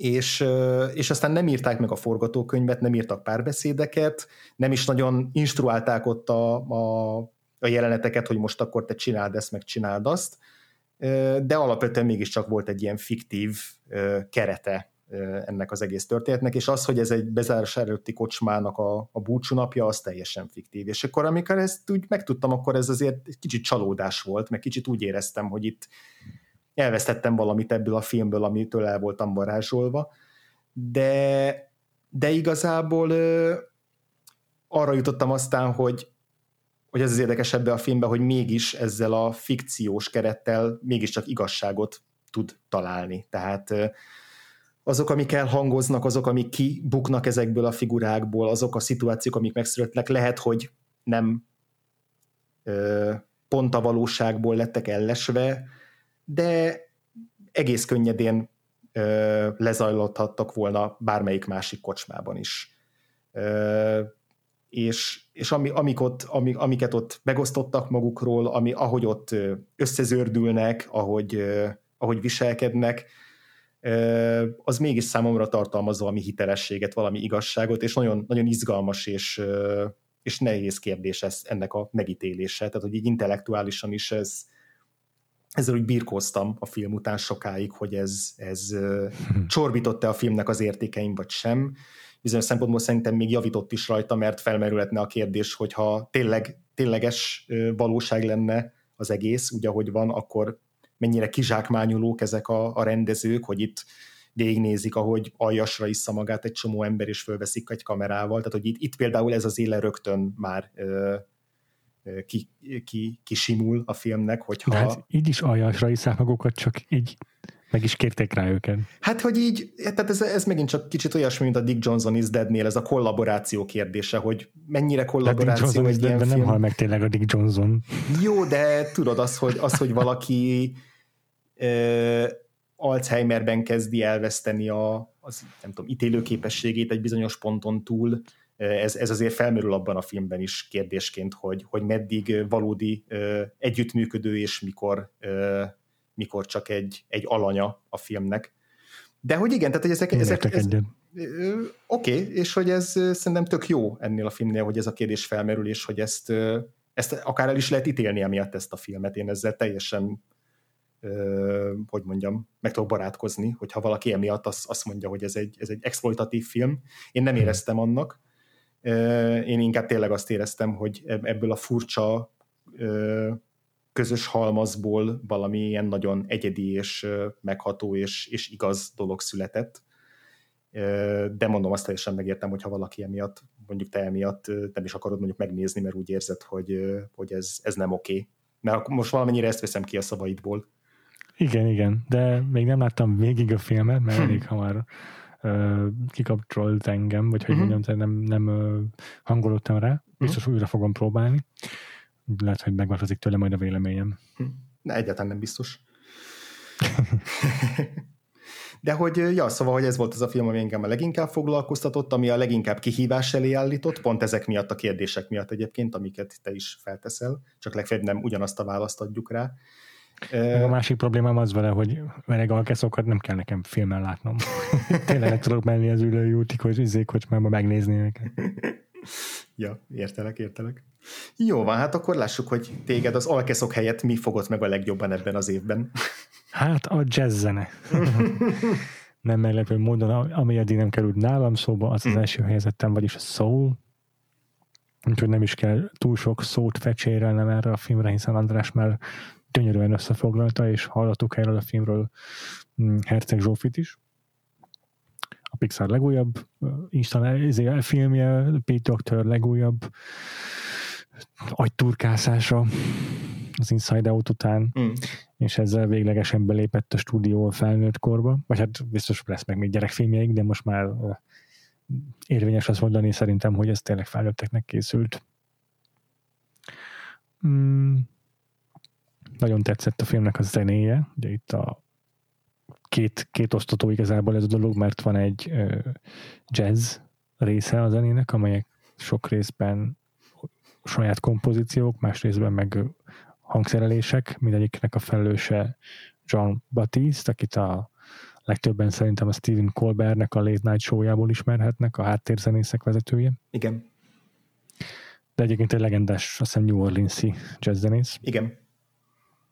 És a másik része pedig a filmzenének, ami original, teljesen egészen original score, és ez az, ami úgy is van kreditálva a stáblistán, hogy original score, az meg a Trent Reznor és Atticus Ross filmzenéje, akiket Social Network óta ö, különböző filmekben hallunk ilyen digitális prüntjögéseket komponálni.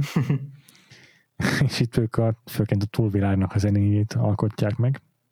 Szerintem tök jól, nagyon-nagyon eredeti módon, nagyon tetszett ennek a filmnek a zenéje, és egy egészen váratlan húzás a zeneszerző párostól, hogy egy ilyen gyerekes, gyerekbarát, nem tudom, barátságos, nem tudom, hogy fogalmazzam, milyen zenét írnak.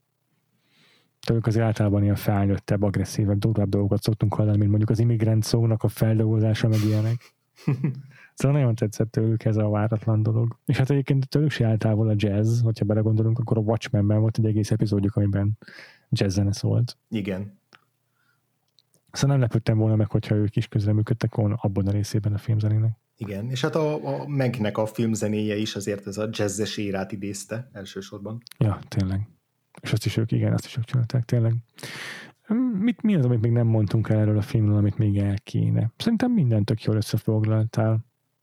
Ja, nagyon, nagyon jól szól, mm, nagyon gazdag, tehát ö, szerintem rengeteg gondolkodni valót tud a nézőnek, annak ellenére, hogy egyébként egy meseszerűen, tehát rajzfilmszerűen, vagy gyerekeknek szóló meseszerűen didaktikus helyenként, Hm.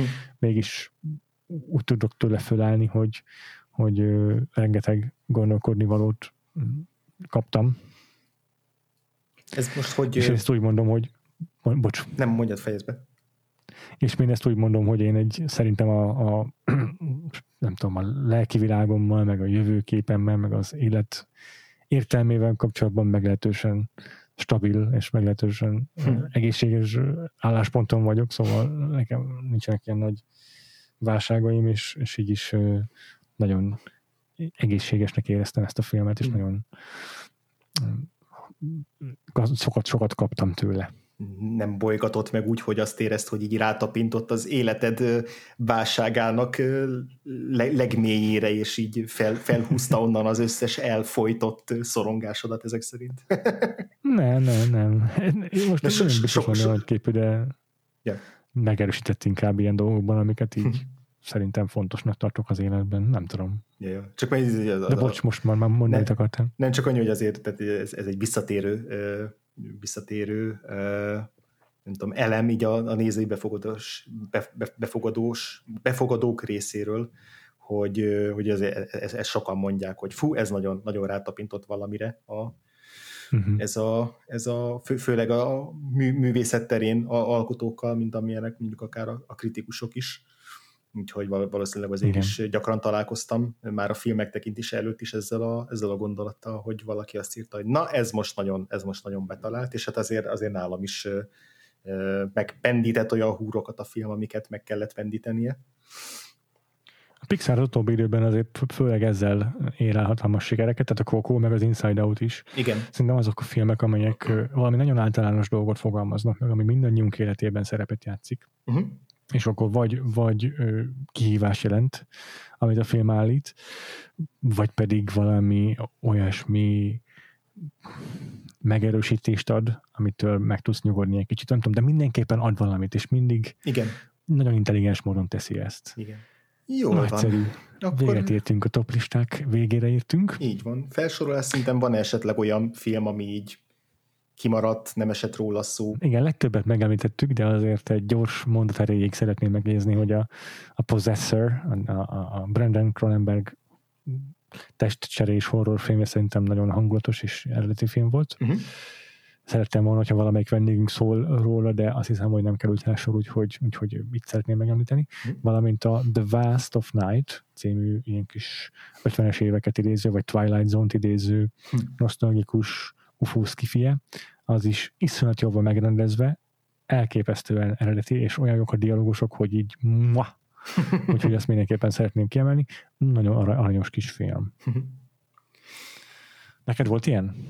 Volt egy-kettő, igen. A, a Shirley, amiről beszéltünk uh, még korábban, uh, szintén a mhm. Patreonon, uh, Elizabeth Mosszal. Uh, azt én, én kifejezetten szerettem azt a filmet, de mondjuk top 10-be uh, nem került végül föl az általad tízbe beválogatottak közül azért itt van a Mangrove, a Sound of Metal, a Wolf Walkers, ezek, ezek mind nekem is nagyon nagy élmények voltak, illetve a, az általad említett David Byrne féle koncertfilm, az American Utopia, az, az, yeah. az, az nagyon-nagyon jó, nagyon szeretem. Yeah. illetve, hogyha még így a TV-film közti határvonalak elmosódását nézzük, akkor a Bad Education című film, ami ugye nem tudom melyik fesztiválon, talán Sundance-en debütált, és aztán utána az HBO-ra került, és a Emmy díjátadón is indult, Hugh jackman és Alison Cheney-vel, de Teljesen oké, okay, hogy filmként nagyon, apostrofálni. Hát. Nagyon, nagyon, nagyon jó, nagyon izgalmas kis szatíra, meg ilyen Hmm. Így a, Wolf of Wall Street, meg a, talán az Aitonja ilyen jó vonatkoztatási pontok ezzel a filmmel kapcsolatban. Egy, Ripacskodik benne Hugh? Kérdezem. Hát, ö, igen, de nagyon találó a szerep, mert egy olyan figurát alakít, aki az egész életét arra építette föl, hogy ő ripacskodik a nagy közönségnek, és ezért őt mindenki imádja, és hogy a ripacs arc Ez mögött az. végtelenül üres, és, és igen, tehát ez a nagy, nagy kérdés a filmnek, hogy, ez, a, ez a nagy kérdés a filmnek, hogy mi van a maszk mögött. Szerintem a Hugh Jackman egyik legizgibb alakítása, de az Alison Chen is, már, nagyon, már Alison Chen is szuper jó benne. Úgyhogy, Na ja. de akkor, a, ha nincs más film, nincs. akkor így a szólnak, ami lélekben való vájkálása után hallgassuk meg Varga Feri ö, terápiás sessionjét. Így van, és szerintem ezzel, ezzel le is zárhatjuk a, a, az adásunkat, ö, mielőtt. Szerintem ez egy, ez egy jó outro ennek, a, ennek a, az idei évünknek, hogyha Varga Fereivel zárjuk le ezt az évet, és akkor előtte elbúcsúzunk idénre a hallgatóktól, illetve felvezetjük azt, hogy jövő évben milyen vállal, nagy vállalásra készülünk.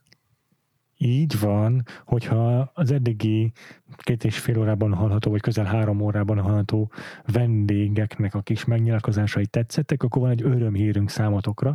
Még rengetegszer fogjátok ezeket a hangokat hallani a következő egy évben. Ugyanis a Vagfolt podcast 11. évadjára azt tervezzük, hogy az eddigi 10 évből minden vendéget, vagy hát közel minden vendéget meghívunk, hogy ők hozzák el nekünk a saját vakfoltjaikat. Legyen akármennyire is szégyelni való hiányosság, most meg kell nézni, és ki kell tárolkozniuk. Uh-huh. Persze annyira nem egyszerű a helyzet, azért itt egy vaskos, majdnem százelemű listáról van szó, amiből, amiből lehet válogatni, hogy mégis milyen adások kerüljenek ebből az évadba. Úgyhogy még jelen pillanatban is, ahogyan az órára nézek, zajlik a szavazás a Patreonunkon, úgyhogy még egyszer hadd említsem meg, hogy van egy patreon.com per Vagfolt podcast oldal, ahol támogathatok bennünket, és ha csatlakoztok ehhez a kis támogatói közösséghez, akkor abban is, akkor arra is lehetőségetek van, hogy szavazotok, melyik filmekről szóljon a következő évad. Azért mondjuk el, András, hogy most úgy áll a szavazás, hogy már a, nagyjából a támogatóink fele leadta a voksát, és ez már azért alakítja valamennyire a mezőnyt, az szinte biztos, hogy lesz az évadban Stanley Kubrick, uh-huh. szinte biztos, hogy lesz Kurosawa, uh-huh. Sergio Leone-re is nagyon-nagyon jó esély van, Steven Spielbergre is van egy elég komoly esély, de aztán Európából is millió név még elő fog kerülni, valószínűleg Fellini, Luc Besson is jó eséllyel elő fog kerülni, Almodóvára is van esély, de még Tarbélára is, szóval egy ilyen igazi all gála fog itt összejönni, nem csak a vendégek tekintetében, hanem a filmek tekintetében is jövőre. Már, már nagyon izgatott vagyok. Én is. És akkor napokon belül, vagy heteken belül lerántjuk a leplet a pontos menetrendről, vagy hát nem vagyok benne biztos, hogy sikerül ezt annyira letisztázunk, hogy egy pontos menetrendet állítsunk össze, és azt ki is ennyire hosszú időre előre. De minden esetre a tematikát azt már leleplezhettük számatokra, uh-huh. és egy hét múlva, már 2021. januárjában az első adásunk egy inverse vakfolt lesz. András, akkor most mondjuk meg, hogy mik ezek a filmek, amikről inverse vakfoltolni fogunk. Rendben. Ö, két kedvenc rendezőnket választottuk ki, hát. és ezek az pont olyan filmek, amiket ö, valamelyikünk nem látott. Tehát jelen esetben én a Terence Malick-től hozom az Új Világ című filmet, ami a Péternek kimaradt eddig, Péter pedig a Coen testvérektől a Raising Arizonát, ami eddig nekem maradt ki, és már tényleg évek óta már ott van az USB-men, hogy izé, már meg fogom nézni, de valahogy még mindig nem jutottam hozzá. Ezt nagy filmet annyira szeretem. Nagyon, én, én, én meg azt várom, hogy én még annál is jobban fogom szeretni. szóval ezzel fogunk indítani, ezzel a két filmmel egy adásban, és utána pedig elindítjuk ezt a nagyszabású vendéges szezonunkat. Remélem, hogy ti is uh-huh. izgatottak lesztek majd ettől. Így van. Ha nagyon ha tényleg érdekel benteket, hogy milyen filmekről lehet válogatni, akkor még egyszer a patreon.com per Wafford podcaston megtaláljátok, de természetesen nem csak a Patreonon van mostantól a hangsúly, a rendes feedben ugyanúgy hetente fogunk jelentkezni, és ugyanolyan adásokkal, ugyanolyan színvonalon fogunk jelentkezni, hogy eddig is. Ezen nem változtat semmit az, hogy időközben elindult a támogatói felületünk. Így van, az csak egy plusz. Így van. Úgyhogy köszönjük az egész éves figyelmet nektek, nagyon örülünk, hogy velünk tartottatok az Ázsia évadban, a Versusban, a horror évadban, a mostani Monstre évőszegző adásunkban. Nagyon hálásak vagyunk minden egyes hallgatóknak. Reméljük, hogy túléltétek ti is épségben ezt az évet, átvészeltétek, amennyire lehetett, és mindannyian bízunk benne, hogy jövőre ennél csak jobb lesz, meglátjuk. Minden esetre mi jövőre továbbra is szeretnénk nektek hétről hétre legalább pár órányi felüdülést nyújtani a hülyeségeinkkel, a véleményeinkkel, a hattékjeinkkel, illetve a szuper jó vendégeinkkel. Igen. Ezt, ezt tudjuk garantálni a magunk részéről, és uh, még egyszer köszönünk mindent, és akkor most uh, Feri, please take us out. Sziasztok, Varga Ferenc vagyok, múltbéli és remélhetőleg jövőbeli vendég. András mondta, hogy egy-két percben meséljek a, a kedvenc filmemről.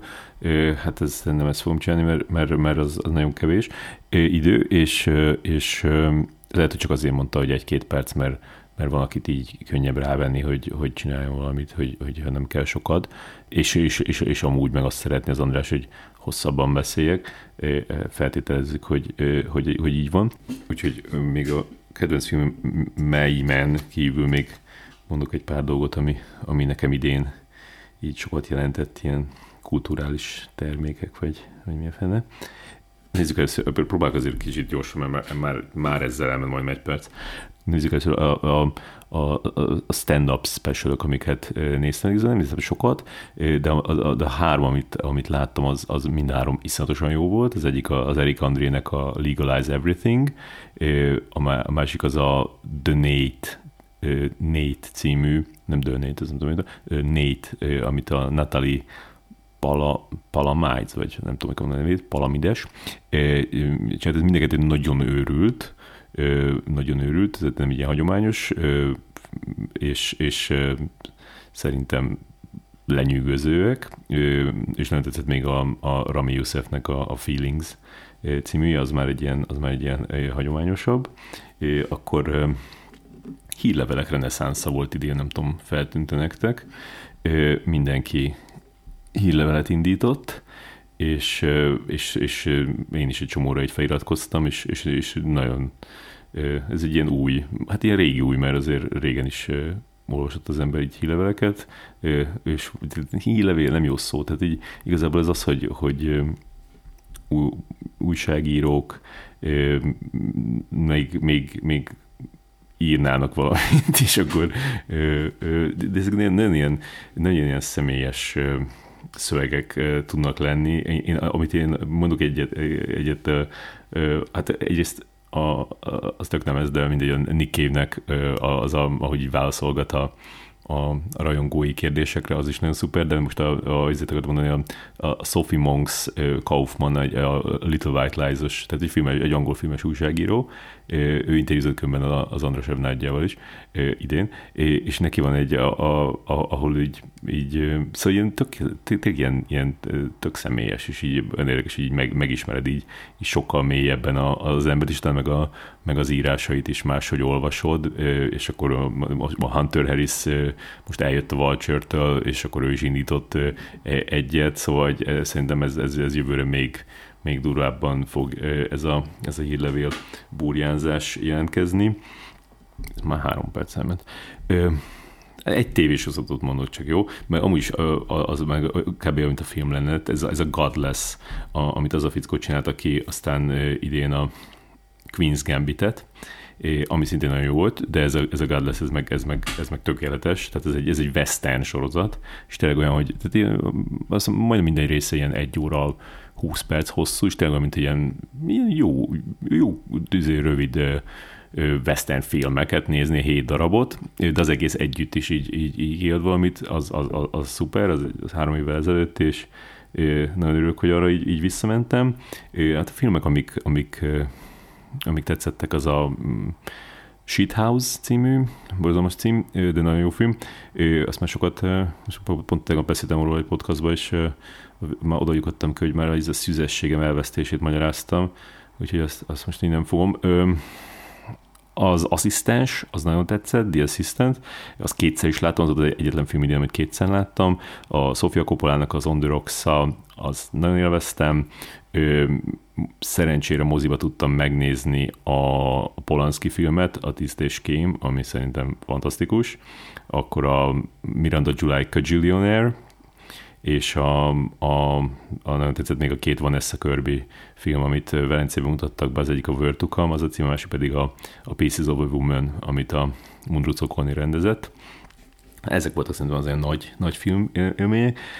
Aztán elkezdtünk a felségemmel egy ilyen, egy ilyen Billy Wilder sorozatot, hogy, hogy így minden pénteken nézzünk egy Billy Wilder filmet. Ezt is nagyon ajánlom, hogy mert nekem tök nehéz így, így kiválasztani, hogy mit nézzen az ember. Szerintem is, hogyha így visz, visz, viszel be egy ilyen egy ilyen rendszert, akkor, akkor az tök élvezetes lehet, hogy ott meg így teljesíted, minden, és akkor hát meg ez Billy Wilder minden filmje nagyon, nagyon, nagyon jó.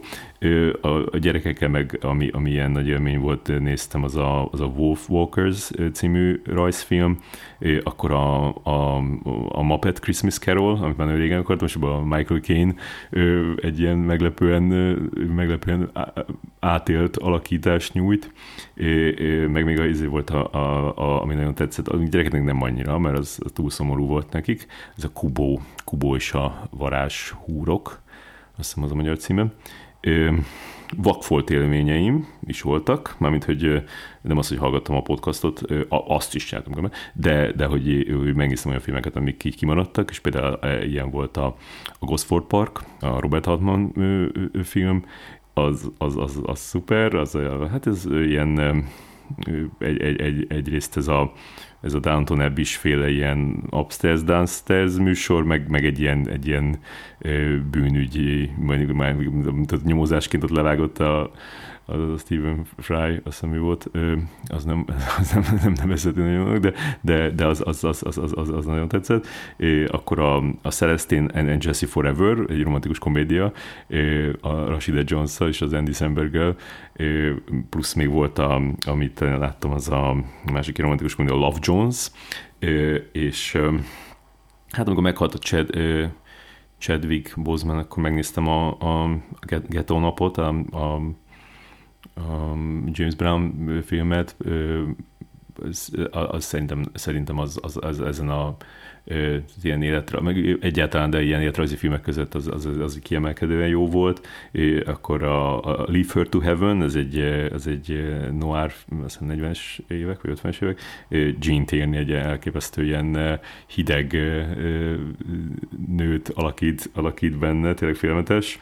Akkor megnéztem a, a, a Mix Cut-Off-ot, amit a, a Nemes Jeles kiáltott ki a múlt évtized legjobb filmjének, és hát ez tényleg az, az, az, az, az oda van téve az a film nagyon, nagyon keményen. Akkor a, a könyvelő, nagyon tetszett a könyvelő. Az, az, az, az, az, az tudnám, olyan, kicsit olyan volt nekem, mint a, mint a Jack Reacher, hogy így, hogy így, hogy nem, nem az, hogy ilyen vicces dolgok vannak benne, hanem hogy az egésznek a megközelítése így annyira vicces, hogy így a, a, a tényleg ilyen, ilyen, ilyen vigyorokban néztem az egészet, könyvelőt, az Ben, ben Affleck valamilyen, mit, mi, mi ez ilyen amné, nem amnéziás, autista, bérgyilkos a Shoot the Moon nagyon tetszett úst, az, a, az meg a Ellen Parkernek a, a, mindig emlegették ott a Mary idején, hogy á, ez jó, az Mary Story, de azért a Shoot the Moon, az, az olyan vállós filmbe jobb, ez a Diane Keaton és a Albert Finney van benne, és tényleg iszonyatosan jó, tehát egy Shoot the Moon nagyon-nagyon nem tudom ajánlani.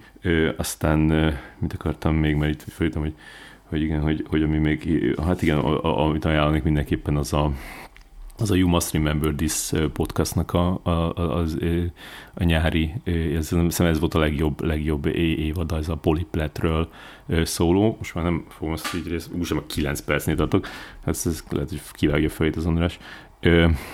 Az, az, az nagyon jó. Meg izé, a, a, a Blank Checket is sokat hallgattam, a, talán az maradt meg ugye legjobban a, a podcastok közül, amiket hallgatok most a Robert Zemeckis-nek a karrierjét veszik végig, és ez, ez, ez volt az első, amit így, így, így rendesen követtem, és mindig így vártam az újabb részt, és meghallgattam. Akkor a Le Cinema Clubot akarom még említeni, ahol minden héten kiraknak egy egy, egy, általában rövid filmet, de amikor hosszút, és ilyen, szóval ilyen nagyon jó, ilyen, kurrál, kurrálva van, és ott egy csomó filmet megnéztem, és most a legutóbbit azt nem tudtam megnézni, elkezdtem nézni, és akkor félbeszakítottam, hogy kimentünk a gyerekekkel sétálni, és amikor visszajöttem, már, már, már nem lehetett nézni tovább, mert mindig pénteken van a váltás, és akkor mindig egy újat, és akkor régeket nem lehet megnézni. És akkor írtam nekik, hogy, hogy, hogy á, nem lehetne, hogy így, mert csak a felénél vagyok, és így nem lehetne, hogy így, így visszarakjátok, és akkor, vagy csak egy küldjetek, és, és küldtek, így, így, így nagyon jó fejek voltak, és meg tudtam nézni. A, a, meg a izé is nagyon, meg a, a Cinematek Francesnek van egy ilyen Henri nevű, ilyen, ilyen streamelős, ilyen ingyenes, és ott nagyon érdekes dolgokat raknak föl, és így folyamatosan cserélik, de azért sok minden van fönn. Azt is használtam, meg még akkor egy, egy dolgot említem, mert már 11 perc, úgyis ez nem mindegy az meg a, az meg a, a, amit többször meghallgattam, az a, az, a, az Antonioni filmnek a foglalkozása Reporter 75-ös, Antonioni film Jack Nicholson audio kommentár, ami nem tudom, hogy ez így hogy jutott eszembe, de valahogy ezt így le, le tudtam tölteni, és és hát Jack Nicholson beszéli végig ezt a, de, ezt a filmet, nagyon megnyugtató, így, így tökre így benne van, ahogy így a, keresem a gluténmentes lisztet a boltba, és akkor közben meg így Jack Nicholson így magyaráz, hogy hogyan csinálták meg azt az utolsó jelenetet, hogy így szétvágták a, a hotelt, és akkor így húzták szét, és akkor ez mindez úgy, hogy ezt a filmet soha nem láttam, de ezt a kommentet már kétszer meghattam. Szóval az nagyon jó. Jack Nicholson olyan, tehát is, és ráadásul így, így, szóval így beszél, mint hogyha így aludna mellette egy, egy csecsemő a, a másik szobában, hogy így, mm, és akkor néha meg így hallgat, és akkor így hallod a, a filmet. Szóval ez, ez, ez egy ilyen megnyugtató, megnyugtató dolog volt idén. Jack Nicholson hangja a boltba, a spárba. Boldog új évet mindenkinek. Sziasztok!